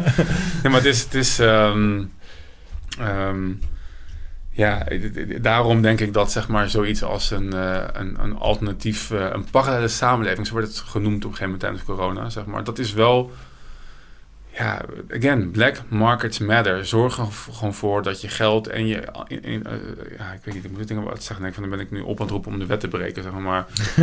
ja, ik weet niet wat ik dat bedoel. Maar ik bedoel in ieder geval dat het wel werkt in Italië. ik, ik, heb, ik heb toen zo'n sticker voor jou gemaakt. Uh, dat is wel uh, leuk. Oh, ik moet trouwens inderdaad nog voor bedanken... dat, dat ik jullie platform heb kunnen gebruiken... om een, beetje, een beetje te werven. Ja, naar, vet man naar gezellige mensen en leuke mensen. Ik denk dat we best wel overlap hebben over met, met kijkers en zo. Een mooie kruisbestuiving. Uh, even kijken. Ja, want ook, ook daar, daar, zie je verrassend veel uh, weerstand in, weet je. Dat mensen echt uh, zoiets hebben van... nee, dit is van mij, dit zijn mijn kijkers... en, en ik, wil niet dat je, mm. ik wil niet geassocieerd worden met jou en je dingen... en bla, bla, bla, bla. uh, het is, het is ja, heel veel, heel veel schaars denken van alle kanten. Ja, precies. even kijken of ik hem hier heb. Uh, ja, dus, dat ja, dat is die, wat minder tegenwoordig, maar het is... Uh, ik een soort van berusting. Ja, het is gewoon debiel, fuck it. dat is het werk van de overheid. Ja. Uh, even kijken welke het ook alweer was. Kan ik hem, kan ik plaatjes uh, zien? Nee, dan moet ik hem eerst even uitpakken. Ik ga hem even snel uitpakken. Uh, alles uitpakken hier. Ik ben benieuwd. Spanning en sensatie. Ja, ja, ja. Dus, even kijken. Ehm, even kijken was eentje met een veel, veel te lange tekst. Ik heb wel een hoop stickers ook van jullie gemaakt. Uh, ja, dat is juist om die Telegram groep een beetje, een beetje bezig te houden. Zo, ja. Weet je wel? Boris, stel je hebt een ja. regering die bestaat uit kappers. die blijven ook altijd goed. En uh, hier, oh ja, deze natuurlijk ook. waar zijn je bitcoins? Straks is, ik, vond, ik vond het leuk. Straks, nu is het uh, een Russische jacht. Straks is het je koelkast of zo. Die, heb, heb, jij ook iets van gemaakt, toch? Of niet? Ja, ja, ik weet het niet meer. Ja, hier, inderdaad, ja. Nu is het de Russische ja. jacht. Zometeen is het van je koelkast. Ja, ik zie niet meer zo. Hier deze, met een belachelijk lange tekst. Maar dat was toen jij bij uh, Jorn Luca was. Ja. Doe mijn werk niet goed als ik niet een keer in de gevangenis terugkom. Ja. Dus, ja, maar dat is... bel in de gevangenis terechtkomen? Ja, misschien, eh, ja, maar niet om, uh, om dit soort uh, dingen. Oh, oh, doe je werk niet goed. nee, nee, maar eigenlijk niet. Misschien ook niet. Nou, is, maar dat is dus ook het ding, zeg maar, weet je. Want eigenlijk is wat er gebeurt, kan gewoon niet door de beugel. Het is gewoon leuk dat het, dat het zogenaamd op papier legaal is. Maar ik, ik, ja, weet je, alles wat Hitler deed was ook legaal. Alles wat in, in de segregatie in Amerika gebeurde was ook legaal. Weet je, wat de verhaal die ik van mijn oma hoor over hoe ze alleen maar de meest ranzige baantjes kon krijgen en achter in de winkel in moest. was allemaal gewoon legaal. Ja, die mensen hebben toen de wet overtreden. Omdat ze zeggen, dit is, het is misschien wel legaal, maar het is niet, het is niet moreel juist, weet je wel. Dus het hele ding van een, een onderdrukkende maatschappij omverwerpen... kan alleen maar als je gewoon wetten gaat overtreden, zeg maar. Dat kan gewoon niet anders. Dus dat moet gewoon een keer gebeuren. En dat, moet, en dat moeten we dan... En dat is denk ik ook een beetje het ding waar mensen nog soort van een beetje tegenaan hikken. En maar als je, als je een van de weinigen bent, ja, die je gaat, ik heb het ook voor mij zo, gewoon een soort van gegeven. Ik ga gewoon wel een keertje in botsing komen met, met die lui, zeg maar, op een bepaalde manier, weet je wel. En, en, en vastzitten, wat dan ook. Uh, dat... Dan moet je eigenlijk ook gewoon keihard oproepen om regels te overtreden. Ja, ik doe het ook, ik doe het ook ja, keihard. Is het, ik wil niet, niet het kat op het spek gaan binden of zo, weet je. En wat ik ook heel erg heb, uh, heb zo van, ja, weet je, als ik nou zou zien van, als ik het nu doe, zeg maar, als ik het nu doe, dan zou het zeg maar een soort van nudge zijn, waardoor er iets in gang zet, direct, zeg maar. Maar ik denk als ik het nu ga, ga, ga roepen, ik bedoel, ik probeer altijd zo te zeggen dat ik het niet zeg dat ik het moet gaan doen, maar dat ik het gewoon heel slim, dat ik het wel slim vind hoe, hoe Italië doet. Slim wat Italië doet, zeg maar, is heel handig. Uh, ik zeg niet dat jij het ook moet doen per se, weet je wel. En dan, en dan heb ik alsnog gezegd zonder ik het echt Kijk eens naar de Italianen. Ja. gewoon ter inspiratie. Ja, doe eens even, doe eens even, doe eens een beetje thuisstudie. Dat is best leuk daar. Gaan Cultuur snuiven. Ja. ja. Ja, nou ja, ja, want moraliteit is natuurlijk... Uh, ik, ik, heb er ook wel een tijdje... Ik heb er ook een beetje in verdiept en zo. Van die Mark Passio-achtige hmm. shit. Uh, natural law en al mhm. dat soort zaken. En, uh, oh ja, die heb ik laatst helemaal gekeken trouwens. Ja, ja, het is echt super interessant. Maar ik heb er ook al eerder een keer een podcast over gehad met Glenn Tram. die zit in de Curaçao en die is daar heel erg in, in verdiept. En, uh, en, en, waar, het ook, waar, waar het op neerkomt, dat is wat die Mark, Passio zegt: van het, het komt uiteindelijk neer. Hè, de enige regels die je nodig hebt is niet stelen. Hè? Mhm. Je steelt iemands leven niet, je steelt iemands integriteit niet, je steelt iemands spullen niet, je steelt iemands vrijheid niet. Je steelt gewoon niet. Mhm. En a- als je het alleen maar dat, dat, tot dat weet te, te, te reduceren. Mhm. Hè, en, en dat dan als dus iets gestolen is van jou, dat jij dus eh, inderdaad eh, eh, eh, vanuit de community represailles krijgt om dat, eh, eh, eh, eh, om dat te ontdoen, zeg maar. Hè? Dus of je shit teruggeven eh, met eventueel een schadevergoeding als de schade is berokkend. Eh, en dat wordt alleen heel erg complex moreel gezien als er iemands leven is ontnomen. Hè? Dan ga, wat ga je dan doen? Oog voor een oog? Of eh, Mhm. wat moet er dan gebeuren? Maar in elk ander geval, want hoe vaak gebeurt dat nou? Hoe vaak is er iemand, hoe vaak is er iemand in jouw leven, leven ontnomen? Ik, eh, één keer dat me te binnen schiet. Nou, dat vind ik al aardig vaak. Ja, Bij- ik ook. Ja. Bij mij alleen door, door, door, door, door, door, door, door eh, natuurlijke dingen. Hmm. Zou je misschien ook nog eventueel naar de overheid kunnen kijken. Maar, of Big Pharma of zo. Weet ik. Mhm. Maar, ehm, eh, want dat maakt alles zoveel simpeler. Hè? Als Ja. je het gewoon daarna tot reduceert. Maar dat is natuurlijk het hele... ehm, Of nou ja, simpeler. We moeten wel zelf nadenken dan. Hè? Want je moet- dan echt gaan nadenken en afwegen. Ja, maar- het wordt, het wordt echt, maar dat is de hele.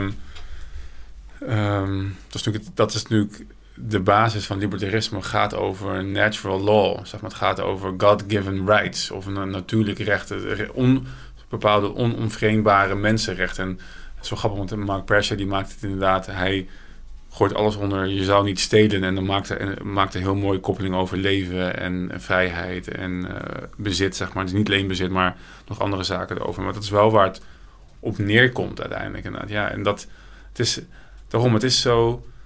Dat was ik laatst ook weer een van de docu te kijken van eh docu te kijken van eh van kijk van Boris. Ik even de naam even vergeten, maar daar ging het ook over. Zeg maar, we moeten. ehm, hij had aantal stelregels. En een van de dingen was terug naar de simpliciteit. Want mensen zijn geneigd om het zo complex en moeilijk te maken. En dat is ook weer onderdeel van het vluchtgedrag. En dat is ook wat ik zie bij mensen die niet bepaalde pijn, schaamte, trauma onder ogen zien. Die zijn aan het vluchten. Die maken de, complex, de verhalen in hun hoofd zo complex dat ze zeg maar zelf daar weet je, in verdwaald in raken. En er zit een soort van. Het is ook een verdienmodel, zeg maar. Weet je, het is ook een verdienmodel dat je het steeds complexer houdt, zodat mensen een soort van naar je terug moeten komen als jij een soort van, ik van een podcastkanaal hebt of een gu- guru bent, weet je. Hoe, als je het heel simpel maakt, dan gaan mensen denken, ja, zo simpel kan niet zijn, namelijk ik ga weg, weet je. Het is, het is ook geen geld mee te verdienen of zo. Terwijl dat is wel waar we naartoe moeten. Het is niet zo ingewikkeld allemaal, weet je. We hebben net maar een aantal regels nodig die we moeten naleven. En verder, verder, verder ja, ik geloof sowieso dat we eigenlijk zeggen, wel, als we het gewoon laten, dat het zich vanzelf gaat wijzen. Van de meeste mensen die gezond zijn, die handelen al menselijk en die handelen al op de juiste manier. Het gaat er vaak om dat mensen die ziek zijn, op een bepaalde manier, weet je, eh, dingen stelen, bezit, levens of vrijheid eh, of, of wat dan ook. En ja, daar, daar moet je iets mee doen. En, en niet, niet met de, de 90% of 95% van de mensen die het sowieso al eh, helemaal snappen. Ja. ja, want we worden natuurlijk hier eh, behoorlijk... eh, ja, wordt, wordt constant van ons gestolen. Mhm. Hè? En dat, dat valt ook binnen wetgeving. Zeg maar. Ik ben laatst ben ik gestolen van mijn, eh, van mijn eh, eh, mooie, mooie eh, eh, abonnement die, had ik, die ik had met mijn energieleverancier. Mhm.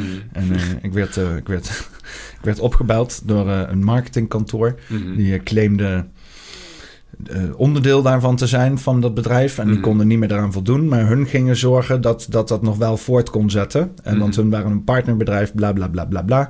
En eh, ik ging erin mee. Hè, want ik ben eh, vrij goed gelovig. En ik geloof Mhm. altijd in het goede van mensen en zo. Dat is mijn, eh, mijn struggle in life. Mhm. En nu zit ik dus in een, een of ander heel ander bedrijf aan een contract vast, waar ik drie keer zoveel verdien. En er kan niks meer aan gedaan worden, want die mensen hebben zich helemaal juridisch ingedekt, zeg maar. Hè? What the fuck? Dus, en dan, ik, ik heb dus al die gesprekken opgevraagd. En, eh, maar ik krijg alleen de gesprekken terug die, die te maken hebben met eh, de, de acquisitie Ja. zelf. Maar dat voorgesprek, want ze zeiden dus ook van, eh, ik wist niet waarom. En ik, ik, had er, ik, ik wist niet, nu weet ik het allemaal, maar hoe dat fucking spelletje gespeeld werd. Maar toen zocht ik er niks achter. Ja. Dat ze dus eerst jou opbellen en daarna hangen ze op. En dan zeggen ze van oké, dan gaan we dan nu het, het acquisitiegesprek doen. Maar ja, dan is dat alleen eh, het materiaal wat ze inderdaad hoeven vrij te geven schijnbaar. En dat eerste Ja. gesprek, dat, dat heeft er dan niks mee te Ik maken wil of zo. even weten wie dit zijn. Dan moeten we even nemen en shamen deze. Eh, nou ja, ik weet dus niet het marketingkantoor wat erachter zit, maar hun deden het namens Innova Energie. oh. En eh, ik ben laatst dus ook benaderd. Daarom ben ik erachter gekomen van... hé, hey, dit stinkt op diezelfde manier benaderd door Mega. Dat is Ja. een of ander Belgisch energiebedrijf. En die hebben dus ook zo'n marketingskantoor ingehuurd. Die dan, en die, die andere bedrijven... Die, die, want ik heb dus eerst Mega opgebeld en dat uitgelegd. Dus ze zeiden, oh ja, ja, nee, dat waren wij niet. Een of ander marketingskantoor. Dus die distancieren Ja, zich ook meteen... ze toch wel ingehuurd of niet? Ja, ja, dat is een verhaal. Ik neem het ze ook echt zeker kwalijk, weet je wel. Ik, ik grappig, ik heb nog bij Innova gezeten. Ik heb- Of nog steeds zit ik er trouwens bij. Maar dat was wel toen echt de goedkoopste via Independent afgesloten. Maar ja, nou, misschien toch niet eh mega in Innova. Het zijn dus gewoon eh Ja, ik, zat, ik zat bij Green Choice. Ik betaalde 60 euro per maand. Was er vijf jaar vastgezet. Had ik precies mooi voor de crisis gedaan. Ik denk, Ja. fantastisch. Maar toen werd ik in één keer gebeld van... Ja, vanwege de oorlog met Poetin. Ook zoiets, weet je wel. Tuurlijk. Maar dat is hetgene waar ik alleen mijn focus op heb. Ik denk, oh, serieus, is dit het lulverhaal dat ze gaan ophangen? Maar ja, zeiden van, maar maak je geen zorgen. Wij zorgen dat je je lage prijs blijft houden als je bij ons komt. En, eh, en dan ergens tussen de regels door hebben ze dan wel gezegd van... oh ja, misschien kan het wat hoger uitvallen. Maar ik, ik denk van ja, hè, in mijn hoofd, nou, tientje, 20 euro hoger. Ik kan niet verwachten dat ik in één keer 160 euro ging betalen in plaats van 60 Ja, euro. dat is echt, eh, Ja, ik word echt in reet genaaid. En dat is dus allemaal legaal. Het is legaal. Is in dit land is het gewoon nee, hartstikke legaal. Ik weet niet of het leg, ja, het is leg, ik weet niet of het Ja, helemaal ik heb het met juristen en zo. eh, en die zegt van ja, helaas. eh, het is, is- allemaal volgens de wetgeving. Is het allemaal. eh, Ja, maar wel bij de partij. Maar zeg maar, ik kan me indenken dat die mensen daarvoor je hebben misleid, zeg maar. Ik denk, het probleem is, je kan niet bewijzen. Ik denk als jij het gesprek zou hebben van dat gesprek daarvoor, plus het gesprek daarna, dat de rechter zegt van, oké, je bent misleid hierin, zeg maar. Maar nu is gewoon, het probleem is nu, denk ik eerder dat je het niet kan bewijzen. nee. En daarom zeg maar dat je niet weet wat het marketingbureau is, want dan kunnen we die ook nog even nemen en shame. In ieder geval, Ja. in Mega en Innova moeten dus eh, wat meer worden gemijd. En die vakkers, die halen er, eh, ja, die huren marketingkantoors in die gewoon, eh, die gewoon naaien. ja. Ja. Ja, maar het is wat met die, met die telemarketeers. Hè? Dat is echt. eh, want ik had het met het gesprek van. eh, deze komt volgende week zondag uit. Dus aan mensen die dit horen. Dit gesprek hebben we vorige week opgenomen. Eh, maar ik had het met, met Remy erover. Die komt deze week uit. Eh, hij zei van: Ik heb echt medelijden met oudere mensen. Mhm. Weet je, als je ziet hoe snel je wordt opgelicht. Hè? en Vooral inderdaad als je zit in allerlei eh, bitcoins of crypto's en zo. Eh, maar ook inderdaad met het huidige bankier, met Ideal en zo. Je bent echt twee, drie drukken verwijderd van je hele bankrekening Ja. leeggemolken te hebben. En je, straks als die AI eraan komt, ehm, die er al is, dan, dan, dan word je gewoon letterlijk gebeld met als bijvoorbeeld. Bijvoorbeeld nu, hè? Nu, nu kan ik, ik, ik kan eh, eh, iemand, eh, een, een, hè? goed idee voor fucking scammers. Ik moet dat via naam meteen even mijn moeder bellen. Ze kunnen, al mijn podcasts kunnen ze gewoon in de machine doen. Ja. Kunnen ze een gesprek schrijven. hey mam, mijn huis heeft in de fik staan. Kan je alsjeblieft eh, 1500 euro overmaken? Ja. En dan kunnen ze mijn moeder mee opbellen. En, en dan, dan zei ze, is, zoals mijn ma altijd is... ja, eh, hier heb je 1500 euro. Eh, ik had he- helaas nog niet eens uitgetest, maar... moet het gewoon eens doen. Dan zeg ik gewoon, nee mam, dat was ik niet. Dat was een eh, AI. Maar dat- kunnen ze nu gewoon doen. Als je genoeg dus inderdaad eh, eh, eh, Materiaal materiaal, hebt. Ja. en dus dat hoe beter die AI wordt, hoe minder je daarvoor nodig hebt. kan je gewoon... En dat is echt gewoon een beetje filmpjes van je social media. Of zo. En iedereen heeft tegenwoordig wel filmpjes van zichzelf Ja. op social media staan of zo. Kunnen ze gewoon letterlijk jouw stem nabootsen. En mensen in jouw familiekring opbellen. Wat ze ook tegenwoordig weten via social media. En data farming en al dat soort zaken. Daar gaan we de komende 10, 5 tot 10 jaar gaan we daar echt enorme eh cyberpandemic Mhm. van ervaren. Van gewoon echt scammers die gewoon helemaal losgaan eh met, met, met dit soort zaken. En ja, dat wordt echt een fucking probleem. Ja, ik heb het voor mij ook alweer toen net, toen net met dat chat GPT aan de slag ging en zo, zag ik ook een filmpje voorbij komen van ehm, een moeder die vertelde dat ze gebeld werd, zeg maar, door zogenaamd haar dochter, die zogenaamd ontvoerd was, zeg maar. En het, ze geloofde het echt. En ze, en ze was echt dus bijna in staat om, ik veel, 50.000 dollar over te maken of zo naar, naar die scammers, omdat ze dachten dat ze haar dochter hadden ontvoerd en zo. Het klonk echt levensecht. En dat, Ja. dat, dus dat gebeurt al. En wat ik ook het, idee heb, ik heb het idee dat ze um, sinds, um, weet niet, niet heel lang, een paar maanden of zo, nu al AI, AI gebruiken om phishing mails te schrijven. Want die zijn echt levensechter dan ik ooit... Ik kan ze altijd uit, uitvissen, zeg maar, weet je wel, die, de, de, de phishing mails. Ehm, maar het wordt nu moeilijker. Zeg maar. Ik herken wel, want ik weet van, oh, dit is iets, het klopt gewoon niet. Want ik gewoon, ik weet niet, ik weet gewoon hoe mails van die banken en bedrijven en zo eruit, eruit zien. En ik weet wat ze wel en niet vragen. Dus ik prik er redelijk snel doorheen. Maar ik denk van, ja, mijn moeder zou dit zien. En die zou erin trappen inderdaad. Die, die zou erop klikken en die zou er iets mee doen. Ja, dit is, uh, ik heb het nu voor mezelf en ik moet eerlijk zeggen, die hele interactie die ik heb gehad met, uh, met uh, een ex-marketing kantoor van Innova. de enige manier om dit te, te, eruit te vissen is ter alle tijden, als jij gevraagd wordt om whatever wat voor wijziging te doen in of contracten of geld over te maken, op te hangen en de daadwerkelijke persoon of instantie zelf terug te bellen. Met de vraag van, hey, is dit inderdaad gaande? Mm en elke keer, je moet eigenlijk nooit meer ingaan op inbound shit. Mhm. als jij iets naar je toe geworpen krijgt, uh, nooit meer op ingaan. Gewoon niet meer doen. Gewoon nooit meer doen. Ik doe sowieso eigenlijk nooit. Ik heb echt een hekel aan uh, marketing. Ik, doe, ik, ik, ben sowieso altijd zelf soort van de initiator als ik iets wil veranderen of niet. Uh, ja. Um, maar ik, ik wil uh, altijd gewoon met rust gelaten worden, maar daarvoor ga ik er altijd dan maar in mee. Dan denk ik, ja, ja, oh, nee, is goed, weet je wel. is niet goed. Dus, meer bij jezelf blijven, meer vanuit jezelf uitgaan en gewoon afkappen die shit. En ja. ik, ik heb meestal heb ik er geen zin in, laat ik het allemaal, allemaal uh, zitten. En als ik het wel, als wel iets interessant vind, zeg van, oké, okay, kan, kan ik altijd, zeg ik altijd, wil je het aan me mailen? En dan kan ik het nog even nalezen. Want ik ga nooit, on on the spot ga ik nooit een beslissing maken ja. daarover. Dat werkt ook wel. Ja. Ja, ik, ik ga het gewoon helemaal niet meer doen. Ik ga gewoon, ik ga gewoon, ik. ik. ga het gewoon, ik ga, gewoon, 12, ik ga gewoon terugbellen. 1200 euro gewoon uh, minder. Uh, ja, ja, ja, dat is echt, dat is echt ziek, ziek. Uh, echt ziek. Helemaal leeggeplukt. En ja, maar ook inderdaad, dan het zou ook, ook mijn moeder of zo kunnen zijn die dan belt. Hè? En dan zegt van, oh, ik zit in een kwarrel, ik moet, moet iets ik moet iets van je hebben, wat ik ook uh, zou doen. Ik zou, ook, ik zou echt zeggen van, is goed, maar ik bel je eerst even terug. ik vertrouw je niet meer, ma. Nee, precies. Ja, nee, zeker. Nee. Neem dit niet persoonlijk, moeders, maar ik vertrouw je niet. dat, dat, dat, is, dat is het lijpen, want ik denk al, zeg maar... Um, dat we in een gigantische infowar leven nu al, zeg maar. weet je, de, de, propaganda is al zo high level en dingen zijn al zo, eh, ja, ik zeg, out in the open, nep op gefabriceerd. Maar dat is, het lijkt nog wel, het gaat nog een andere proporties aannemen door AI en zo. Weet je, als je, ik zag laatst ook dat hele Mid Journey of dat soort dingen.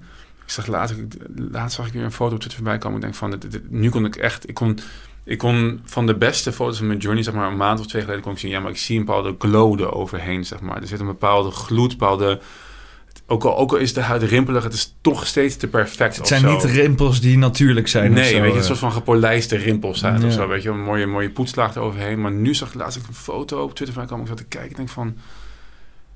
Ik zie, ja, ze leken een beetje op elkaar, zeg maar. Uh, waren, waren drie chicks, zeg maar, die, die, uh, die, die waren gegenerate. Ge, ge, en ik kon, ik kon, maar kon het niet zien. Ik kon het gewoon amper, amper zien, zeg maar. Ik had en was dan vergelijk met een echt persoon of zo? Of, uh... Nee, het was gewoon, dat was eigenlijk was een van de volgende AI-gasten. Iemand was, wat was nou zijn? Het was generative AI die een soort van um, um, lingerie modellen, zeg maar, maakt. Een soort van pin-up model, een soort van, niet echt Playboy, maar een soort van, het ging wel een beetje die kant zo van, ja, je kan nu ook gewoon met AI een soort van een hele Playboy genereren. Dus dan hoeven er geen mensen meer voor gebruikt worden, maar dan is het gewoon allemaal nep, weet je wel. Dus het waren drie checks die in een, in een lingerie stonden en zo. Maar het was echt... Ik heb er heel lang naar zitten kijken, maar ik kon niet, ik kon niet goed zien, zeg maar, van... hé, hey, dat is, daar zit, daar zit...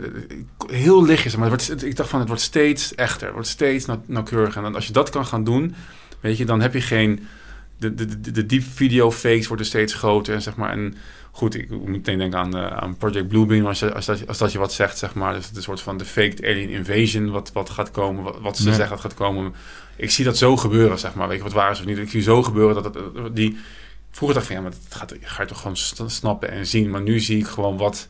Ik heb een soort van War of the Worlds, wat je toen had via de radio, alleen dan via de tv. Uh... Precies dat, precies dat. Dat was, een, dat was een hele goed geslaagde trial run, maar dan zie je het ook echt op televisie. En misschien ook zelfs wel in de lucht, weet ik, voor de middel van drones of zo. Je hebt, ik heb van die luchtshows. Ik zag laatst een zag, zag je informatie, drones die zeg maar, die deden allerlei dingen, zeg maar. Uh, en dat was en dan denk ik van ja, dit doet me denken aan zeg maar Pong, weet je wel, de eerste game ooit. Het is gewoon die blokjes. En nu nu is het Pong. Maar zometeen heb je gewoon een, een, een, PlayStation 5 in de lucht hangen, weet je wel, met dat soort graphics. En dan is, en dan is, is dat wat ze kunnen ja, doen. Want elke drone kan een pixel zijn. Uh, met ja, gewoon uh, 1080 keer 1920 uh, drones in de, in de lucht hangen. En dan is het uh, of, je scherm. Wat ik ook een keer gezien heb, was, het was zeg maar een soort van hologrammachine. Dat was een machine dat die draaide zeg maar... Um, een ventilator met lichten op rond. Die ging heel hard ronddraaien. En op het moment dat het op z'n allerhardst draaide... was, was dus een soort van televisiescherm Ja, was dat ja, geworden. ja, ja, die ken Dus ik ook. als je dat gewoon aan een drone kan maken... en je hebt er duizend in de lucht of zo... Ja, wat, wat is dan... Wat, wat, wat moet je dan nog... eh, ja, die, die rotating LED hologram inderdaad, ja. Dat- en dat is nu, ziet, het, ziet dat er zo uit, weet je wel. Maar hoe ziet het dan over, over, over vijf jaar eruit? Ja, kijken, gewoon ja. dit- ja, precies dit. Ja, en dan draait hij heel snel. En dan, eh Nee, muziek is niet nodig. Straks krijg je ook nog auteursrechten dingen en zo. Ja, die heb ik toen inderdaad ook op beurzen zien staan en zo. Dat ik echt denk van, ja, what the fuck. En dan kreeg je gewoon een 3D spinning image. Ja. Als dit is nu, inderdaad- hè? Dit is nieuw. Bedenk aan hoe het Nee, nee, nee. Dit is, dit, is, dit, is al, eh, dit is al dik eh, acht jaar oud of zo. ja? Eh, ja. Ja, Maar, maar ik bedoel, het is, het, is, het is... Kijk in de staat waar het nu zit... en kijk hoe het over tien jaar er dan uitziet, weet je. Dat wordt echt... Ja... Nee, ik heb Gestoord. een serieuze... En je ziet nog wel een beetje, omdat natuurlijk met een camera erop zit, zie je die, eh, die, die spin effect. Ja. En dan krijg je, weet je nou, shutter speed eh, ja, dingen. Maar in het echt Ja. zie je dat helemaal niet. eh. Nee? nee, nee, ja, je hebt, je hebt, nee, heb je het ook in het echt gezien? Nee, ik heb die, het eh, alleen maar op video gezien. Nou ja, ja, want ik heb een paar keer heb ik het op de. Want het- volgens mij is het zelfs al tien jaar geleden. We waren op een videobeurs of zo. eh, en, en daar had je inderdaad die dingen staan. eh, gewoon. eh, Dus dat is dat, zeg maar, dus... ja, als je dat in de lucht kan maken, dan ben je fucked. Dan Ja, heb je precies. Project Bluebeam en alles. Ja, dat, is, dat, dat, dat wordt echt super simpel, omdat op een gegeven moment, eh, misschien is het, hebben zijn ze al mee bezig, ik weet het niet. Dus ik geloof dat zo, dat dat, ja, die infraworst gaat echt naar een soort van intensiteit. En ik vraag me ook af soms, zeker soms, dan denk ik van, maar is het ook niet gewoon, wat ik zei van, door, door ChatGPT en met Journey ben ik soort van gaan geloven wat Elon Musk al heel lang geleden zei van, we leven gewoon in een simulatie, weet je. En is alles Ja. niet een soort van, wat is echt en wat wordt gecreëerd door je hoofd, omdat je toch al een soort van simulatie zit en jezelf aan, aangehoekt bent. En misschien gaat er wel naar een soort van singularity toe, waarbij je, zeg maar, waarbij je denkt dat je doordraait en dan in één keer een soort van wakker wordt, omdat je dan, zeg maar, weet je, het, weet niet, dat, ik... Ja, je, je hersenen die anticiperen natuurlijk al allemaal. Alles wat je ziet en zo, dat wordt alleen maar gevormd door je hersenen. Omdat die iets verwacht te kunnen zien, zeg maar. Dus Ja. het is... Ja, ja, maar je hoeft inderdaad op Project Blooming hoef je alleen maar inderdaad eh, een of andere eh, eh, eh, video automated gebeuren te zien op tv. En net zoals nu met de pandemie, dat iedereen zegt van oh jullie zijn ziek, jullie zijn ziek. En mensen Mhm. denken dan zelf dat ze ziek zijn. Dus nu is het dan gewoon oh hier er zijn aliens en aliens, dit zijn de schepen, dit is er gebeurd. Terwijl dat helemaal niet gebeurd is. En dan vervolgens gewoon de, de insinuaties van hoe dat er dan uit zou moeten zien in de nacht of whatever. af en toe boven steden te laten te verschijnen. En dan ben je er. Dan, dan is, ik bedoel, want we, hoe lang worden we nu al niet voorgeprogrammeerd dat er aliens zijn? eh, Ja, al sinds, eh, sinds 2018 is het officieel nee, allemaal. Nee, het is veel langer. Het is grappig, want dit is een van de eerste dingen die ik... Ik heb ooit nog, voordat podcasts bestonden en YouTube echt een heel groot ding was... wilde ik een blog beginnen, zeg maar. Ik ben een vriend van en een van... En ik heb, uiteindelijk hebben we nooit echt artikelen geschreven. Ik heb er wel een paar geschreven, maar het was net in de tijd dat... ehm, de Verenigde Naties een ambassadeur voor extraterrestrials had aangewezen. En geloof ik in diezelfde week kondigde het Vaticaan aan van... ja, op het moment dat er aliens komen, dan zullen we, zullen we, ze vriendelijk ontvangen. Terwijl ik- het was voor mij... Vaticaan. ja, maar het was zo voor mij zo van... Huh, maar deze twee instituties die heel erg gerenommeerd zijn, zeg maar... die, die gaan gewoon uit van alien life, zeg maar. Weet je? Dat is gewoon een gegeven dat ze dat, dat, ze dat doen. En niemand die knibbert echt met zijn ogen, maar dat het gezegd wordt. Waarbij het Vaticaan nog, denk ik, eigenlijk nog een soort van tegen hun eigen doctrine ingaat... door zeg maar, dat, dat te erkennen. Maar het was zo... Wanneer was dit? Ja, dit is... Ik denk echt dat dit wel... eh, Was dat nog met die nieuwe paus of met de oude paus? Ehm, ik denk zelfs dat het die pauze daarvoor nog was. Oké, ja. Dus niet eh Ratzinger, die de vorige, niet de huidige, maar die daarvoor volgens mij was het nog. Oh, dat meen je niet. Ook drie, twee pauzen geleden, Ja. eh, zeg maar. eh, Ja. die, die, die wel daadwerkelijk is overleden voordat hij... eh, mij was het onder zijn, eh, zijn bewind nog, was dat volgens mij. Ja. meen je niet. Ja. Ja, dat is wel apart inderdaad, ja. Ik weet het, want ik heb toen ik heb er echt, ik heb er echt artikelen over geschreven toen nog van dat het zo. Ik zeg van de, ik, toen, toen schreef ik een artikel. Voor mij is het, ja, het is langer dan tien jaar geleden, 100% denk ik. Voor mij wel langer dan tien jaar geleden. Toen, toen schreef ik een artikel van eh, de Alien Agenda, noemde ik dat toen. Dus van, omdat ik het zo raar vond dat, dat de media daar zo normaal over deden en die instituties daar gewoon normaal over deden. Van, oh ja, dit is gewoon aliens. Hallo, we hebben helemaal tien jaar geleden, zeg maar, we, we hebben echt tien afslagen gemist omdat jij dat dit zo in het nieuws brengt. Weet je, we kunnen even filosoferen, nadenken over waarom je denkt dat je dat, dat, dat gaat zo, gaat zijn. Weet je wel, wat is de aanleiding van deze opmerking, dit nieuwsbericht? Ik vond het zo weird. Dus ja, dat, maar dat is ook wel iets wat dus al heel lang een soort van in ons face komt. Denk je ook Ja. dat er aliens zijn of niet? Ik weet het allemaal niet Zijn meer. of komen? Nee, dat weet je, die dingen, ik heb heel vaak daar gesprekken over. Ik vind het altijd leuk om te filosoferen, maar ik kan, me, ik kan me nu vinden in heel veel theorieën. Dus maar die, die, die, het is een simulatie, weet je. Het is, of het is, of het is, we zijn echt alleen. Er is niet meer dan wat we hier in deze afgesloten wereld, zeg maar, kan, kan ik me in vinden. Ja, er, ik moet zeggen, ergens vind ik aliens het minst plausibel nog of zo. Oh ja, ja, ja. ja. Ik weet het minst plausibel nog tegenwoordig. Ja, weird. Komt ook omdat ik heel erg... Um, wel fan ben geweest van William Cooper, Bill Cooper. Weet je, die heeft Behold uh, A Pale Horse geschreven. Echt een, nummer één allereerste conspiracy boek. En hij heeft binnen de overheid gewerkt en intelligence agencies. En hij is eerst gaan geloven in een complot waarbij aliens, zeg maar, het, de technologie en het bestaan van werd onderdrukt. En vervolgens is hij eigenlijk... Een beetje die reptilian-achtige situatie. Uh... Ja, is hij gelovig geworden en zei van... maar dit, het, is, het, is, het is er wel, maar het zijn niet aliens van een andere planeet... maar van andere dimensies. En het, heeft, het heeft een demonisch... Anti, uh, hoe heet dat? Een demonisch... Um, component erin zitten, zeg maar. En hij is dus, hij is dus gelovig geworden door de, dingen die hij gezegd te zien te hebben in zijn tijd bij de militaire inlichtingendienst van, van Amerika. En dat vind ik nog steeds, ook als ik dat soort dingen zie komen, denk ik van, en het ook vanuit dezelfde hoek komt, weet je wel. Ik heb ook zeggen, Boris gezegd van, ja, maar alles, alles, na, alles alien en buitenaards is allemaal overheids het komt allemaal vanuit een overheid, weet je, of een overheidsinstantie. Dus ik ben er gewoon heel sceptisch over. Ik weet het niet. Maar jij denkt eerder, eerder, dat aliens zeg maar niet een, een fysiek mannetje is die dan hier met een schip hierheen komt, maar een soort van spirituele entiteit die hier op vijfdimensioneel vlak eventueel ja, invloed heeft. Ja, uh... ja, ja, ja, dat denk dat. Ik weet niet waarom het schappelijk dat genat zo. Ik heb nooit echt, ik ben er nooit heel erg mee bezig omdat het gewoon niet tastbaar is, zeg maar. Maar ik denk dat ik eerder daarin daarna neig of zo. Maar goed, het blijft natuurlijk een geloof. Ik weet helemaal niks wat dat betreft. Maar eerder dat dan ja, de mannetjes. En misschien dat de mannetjes ook wel... Ik weet niet, misschien kan je uit andere dimensies ook wel vlees worden of zo, weet ik veel. Ik weet het allemaal niet zo. Ja, nou ja, je kan bezeten worden of zo, hè? Of, ja, dat, uh, dat, soort dingen. Ja. Ik bedoel, argonten en al dat soort dingen. Dat, dat vind ik wel mooi nu aan, aan... Ik zie heel veel video's van dat, dat, dat Biden niet meer Biden is, weet je. Dat, dat hij een soort van robot of clone is en zo. En dan, dan pakt hij zeg maar zijn oorlellen. En ik, ik zie het ook, want die oorlellen zijn echt anders dan zeg maar vroeger. Maar ik weet niet waarom dat zo is, maar... Um, Bij Hillary ook al. Hè? Tegenwoordig heeft iedereen maskers op op een of andere manier. En dat ook even. Maar dat is dus iets wat ik dus... Die maskers zijn zo'n levensecht, zeg maar. Even los van dat de clones, dat weet ik allemaal niet. Maar ik denk van ja, ze hebben gewoon, ze hebben gewoon, ze hebben gewoon beiden je hoeft alleen maar iemand van, dezelfde, je hoeft alleen iemand van hetzelfde postuur en maat te vinden en voilà. En je doet een beide masker op en dan kan hij nog een beetje normaal zeg maar, door, uh, door de dag heen komen. In plaats van dat hij, dat hij in zijn broek poept als hij ergens is. En, uh. en, en, ik bedoel, Biden is vanaf het begin af aan al een of andere vage dude die ja. nauwelijks er doorheen komt. Ja. Dus alles, iemand die gewoon enigszins functioneel kan lopen, dan heb je al een hele goede Biden, zeg Precies. maar. Maar ik zeg zo, maar dan zie je dus mensen zeg maar, zo in hun nek zie je zo Biden in zijn nek krabben. En dan zie je gewoon zo'n plooi ontstaan die blijft staan, weet je. Want dat doet, dat doet je huid gewoon niet. Even kijken of ik... Uh, ga ik dit... Uh, ja. Of ik dat op Google ga vinden. Tegenwoordig ja, vind je helemaal geen reet meer op Google.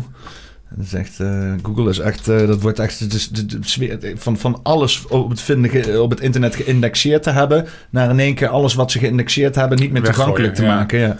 Maar dat is, wel, dat is ook waarom ik geloof dat. Even kijken, hier heb je inderdaad zo'n uh, zo'n Biden toen nu ook, weet je wel, dat hij helemaal ja, een soort van strak getrokken en dat dat kuiltje in de kin, kin en zo. Ah. En, Weird. Ja, hij heeft er ook niet veel rimpeliger op geworden of zo op een of andere manier. Nee. Even kijken. En die oorlel die pakt ze altijd. Een, een oordeel die ja, vast ja, die, die aan de. Aan en eentje die niet vast zit. En het schijnt dus dat dat dus door je oren blijven altijd groeien. Dat is wel zo. Zeg maar, eh, die, daarom hebben oude mensen altijd grotere oren. Ja, mijn, mijn opa die had, die had echt huge ass oren. Die... Dat ging helemaal nergens over. Maar dat was juist een hele grote oorlel. Ja. Dat, dat, dat werd echt zo'n satelliet, werd dat zeg maar. Ja, je blijft zeg maar, die blijven het groeien. Ik weet niet waarom het is. Maar goed, en zij zeggen dus van ja, dat uh, daarom... Uh, uh, hoe heet dat? Ja, da daarom klopt dit, klopt dit niet. Hij ziet ook wel een beetje anders uit. Maar goed, ik denk kan kunnen hangen omdat hij ouder wordt. Ik weet het niet. Zegt wat de fuck zie je gaan? Ja, een lijp joh. Dit is toch, dit is ook dit is de grootste clown shit ever. Dat deze guy gewoon de machtigste man op aarde is. Niet, dat gelooft toch niemand meer. Daarom, je had het net over van dat de media, zeg maar, de laatste stroomhalm en kapot moet gaan. Maar het is zo hard kapot aan het gaan. Ze zijn zo hard hun, hun uh, geloofwaardigheid aan het verliezen, zeg maar, de afgelopen jaren. En voor corona al, maar tijdens corona helemaal. Dat is echt, het is, het, dat is, het is een kwestie van tijd. Zeg maar. Ik maak me daar echt niet meer druk om. Uiteindelijk gaat, gaan al die lui weg en komen er nieuwe dingen van de plaats. En dan kunnen we kunnen een mooie, betere wereld maken. Ja, ja dit is gewoon hoe uh, deterioration, hoe uh, ontbinding ja. van, uh, van de realiteit eruit ziet. Zeg maar. ja. En dat wil ik net zeggen met zeg maar, dat, dat, zeg maar, dat, dat, dat idee heb ik ook. Ik heb het idee, maar dat is een soort van, misschien komt het omdat ik misschien moet ik wat minder psychedelica doen soms. Maar ik heb het idee dat, dat, dat sinds ik dat doe, ik denk dat, dat die realiteit een soort van aan het, in het ontbinden is. Van ik begin de cracks, begin de echte shit te zien of zo. Of misschien dat mijn illusie een soort van aan het, aan het wegvallen is of zo. Het is, ja, heel, het is een beetje een LSD-trip. Uh, want ik kan me dat ook altijd herinneren. Of als ik uh, truffels doe of zo. Dan zie je echt die... die nou, dan, dan lach je om niks. Om de meest normale dingen. Ja. Omdat je, je ziet dan die waanzin van hoe we ons gedragen. En hoe bepaalde dingen in de maatschappij in elkaar zitten. En dan denk je, wat fucking idioot. Hoe, ja. hoe, hoe, kan dat nou? Hoe, hoe kan dit bestaan, weet je wel? En dan lig je voor anderhalf uur lig je helemaal dubbel erom. En dan kom je er weer uit en denk van...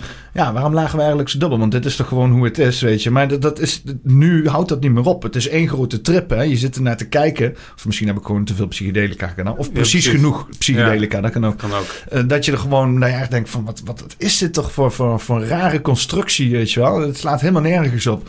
Zitten met z'n allen zitten we rond te rennen. Een beetje uh, uh, grote machten ons geld te geven. Zo van hier heb ons geld. Om dan vervolgens ons te laten vertellen hoe wij ons moeten gedragen. En wij houden ons allemaal druk met elkaar. En over allemaal niet zeggende Terwijl ze aan de bovenkant allemaal aan het lachen zijn. Van, oh, kijk, hun elkaar druk maken, weet je wel. Hetzelfde, ja.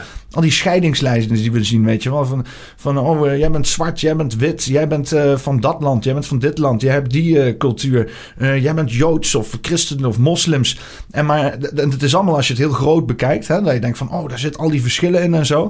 Maar als je dan tegenover elkaar in een kamer zit en een gesprek hebt, ja, dan ben je gewoon, ben gewoon een zooitje mensen, weet je wel. Ik heb hier nou een hele, hele zooi gesprekken gehad. Het, is allemaal, het komt allemaal, we spreken soms een andere taal. Hè? Dan heb ik het niet over uh, uh, niet-Nederlands of wel Nederlands. Mm -hmm. Maar gewoon ook in het Nederlands spreken we andere talen. De andere die, die verwoordt het vanuit een spirituele kant. En de andere vanuit een wetenschappelijke kant. Of ziet het heel technisch. Of ziet het heel hip. Of gebruikt dingen zoals beest. En, en, en, en, of andere gebruiken dingen zoals wakker en zo. maar uiteindelijk zeggen we allemaal het fucking. Mm. Ik heb ook in het Discord eindeloos veel discussies gehad met mensen. Dat ik denk, jongens, jullie hebben het over hetzelfde. Weet mm. je wel, jullie zitten alleen over vorm te praten, mm. weet je wel. Maar uiteindelijk zitten we allemaal hetzelfde te doen. Mm. Schijten, eten, gaan naar bed toe, slapen, staan op. En dat is 80% van ons hele leven. En de rest is alleen maar een beetje, beetje invulling voor de, voor, voor, de, voor de smaak, zeg maar. Ja. En, en daar zitten we ons allemaal druk over te maken, weet je wel. Ja, precies. Ja, ja, ja, ja eens. Het is... Um...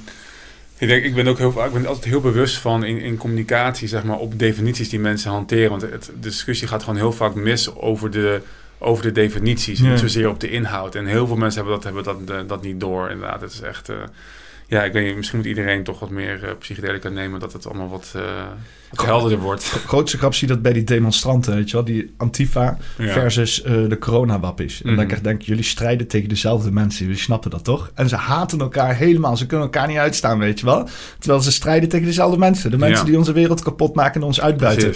Maar, maar ze zitten ruzie te maken met elkaar, weet je wel? Omdat de andere een vlaggetje aan het zwaaien is of weet ik van wat. Ja, en daarom is het ook wel goed. Ik weet dat heel veel libertariërs willen zich niet identificeren als libertariërs of, of überhaupt, want dat dus naar de hokjes denken soort van in de, in de hand werkt. Ik denk inderdaad dat je een soort van, je moet mens zijn, dat is een heel, heel cliché, maar dat, dat en, en de rest ehm, wat meer loslaten, omdat anders, en dat is ook wat ik bij de LP heb van je hou op met dingen zeggen als kapitalisme. Ik weet dat ik het bij de, bij de podcast de hele tijd doe, omdat ik gewoon geen zin meer heb in zeg maar die spelletjes, maar de, als je, als je ehm, in feite zou het wel zo kunnen zijn, je moet je punt kunnen uitleggen zonder dat je bepaalde frames en woorden gebruikt. Weet je, dan kunnen mensen gewoon eerder daarnaar luisteren en, en, en, en op zich nemen. En als ik, als ik zeg ik ben eh, liberaal, weet je, dan gaat de helft van hen doet, doet, doet de luiken al dicht. Weet je, op het moment dat ze dat horen. En ik denk dat het jammer is, want ik ben dus. Oh, je bent liberaal, daarom hou je niet van traditionele waardes. Ja, en daarom, Zeg ik ben, niet. je, daarom ben je een nazi en eh, eet je baby's en zo, weet je wel.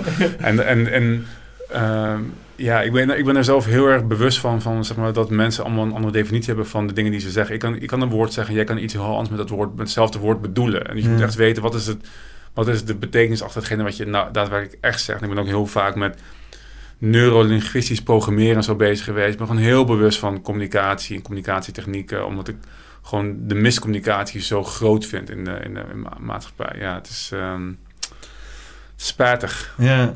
ja, misschien, ja, dat hoort waarschijnlijk bij. Eh, het is, we zijn nu zoveel aan het communiceren met elkaar. Dat gaat helemaal nergens meer over. Ja, maar dat is precies het punt. Daarom, eh, daar begon ik volgens mij ook mee, eh, even full circle van. Daarom moeten we gewoon meer Ja. Zijn, weet je wel. Hou op, want dat gelul is ook gewoon afleiding. Ik bedoel, het is een belangrijk onderdeel om jezelf en anderen beter te leren kennen en zo. Maar het is nu, het is nu een doel op zich geworden. Ja, lullen om te kunnen lullen. Ja, inderdaad. en dat hoeft ook niet. Laten we meer, meer zijn. Ik ben, wel, ik ben eigenlijk, wel, eigenlijk ben ik best benieuwd wat de komende tijd allemaal gaat gebeuren. Ja, ik ook, ja. Ja. Het is echt, eh, ik bedoel, ik zei, die Infowars gaat, gaat harder. De inzichten worden ook groter. Mensen worden ook steeds meer wakker, zeg maar. Dus de instituties zijn ook harder aan het afbrokkelen. En zij gaan er nog harder in hun grip proberen te houden. En, maar de- wereld zoals we die nu kennen, of weet je, die wereld van drie jaar geleden is weg. De wereld van nu is over drie jaar ook weer weg, weet je. Dus dat gaat echt in een rap eh, tempo. En, en tegelijkertijd kan je nog steeds, hoe goed of slecht ook wordt, je eigen ding blijven doen. En moet je je eigen ding blijven doen. En moet je voor jezelf kiezen. En met elkaar gewoon de leuke dingen opzoeken. Want hetzelfde geldt is dat dystopische kamp waar we allemaal zeg maar, sinds twee jaar soort van op wachten. Nog 30 jaar weg en zijn we allemaal dood of eh, half Ja. dood en moet het allemaal niet. Gewoon vaker naar buiten gaan en op een bankje zitten. Ja. Naar een struik staren of Ja, even zijn. Gewoon even zijn. Even voelen waar je bent, waar je zit, hoe je in je lijf zit. zo. Vuurtje stoken. Ja, goed. stoken. Altijd lekker. Ja. Ook al mag het niet. Fuck it. Gewoon fikkie stoken. Doen. Niet Doen. iemand anders in de fik steken. Dan is het Nee. goed. Gewoon het hout. Prima. Kampvuurtje. We gaan, eh, het is een korte, maar we hebben de twee uur gered. Dus dat is mooi. Ik kan je Mm. snel weer op de trein zetten. Ehm, eh, dus eh, we gaan rustig afronden. Maar eh, ik heb altijd een eh, traditie aan het einde van de podcast. Eh, dan gaan we samen even een, eh, een titel verzinnen. Een titel ja, heb je, heb je dingen die jou, eh, zo eh, woorden die jou binnenkwamen schieten? Ik zat te denken aan regels overtreden of zo. Of, eh, Ik denk aan de ontbinding van de realiteit. ontbinding van de realiteit. Ja, Ja. ook een hele mooie van je. Oké, uit. Ja, ik ben helemaal voor. Ja, nou dan ga ik hem afsluiten. Dan is dit eh poppenkast nummer 121, de ontbinding van de realiteit, met Robert Valentine. Nice. Dankjewel. Bedankt voor de uitnodiging. Was gezellig. Ja, wederzijds. Nice.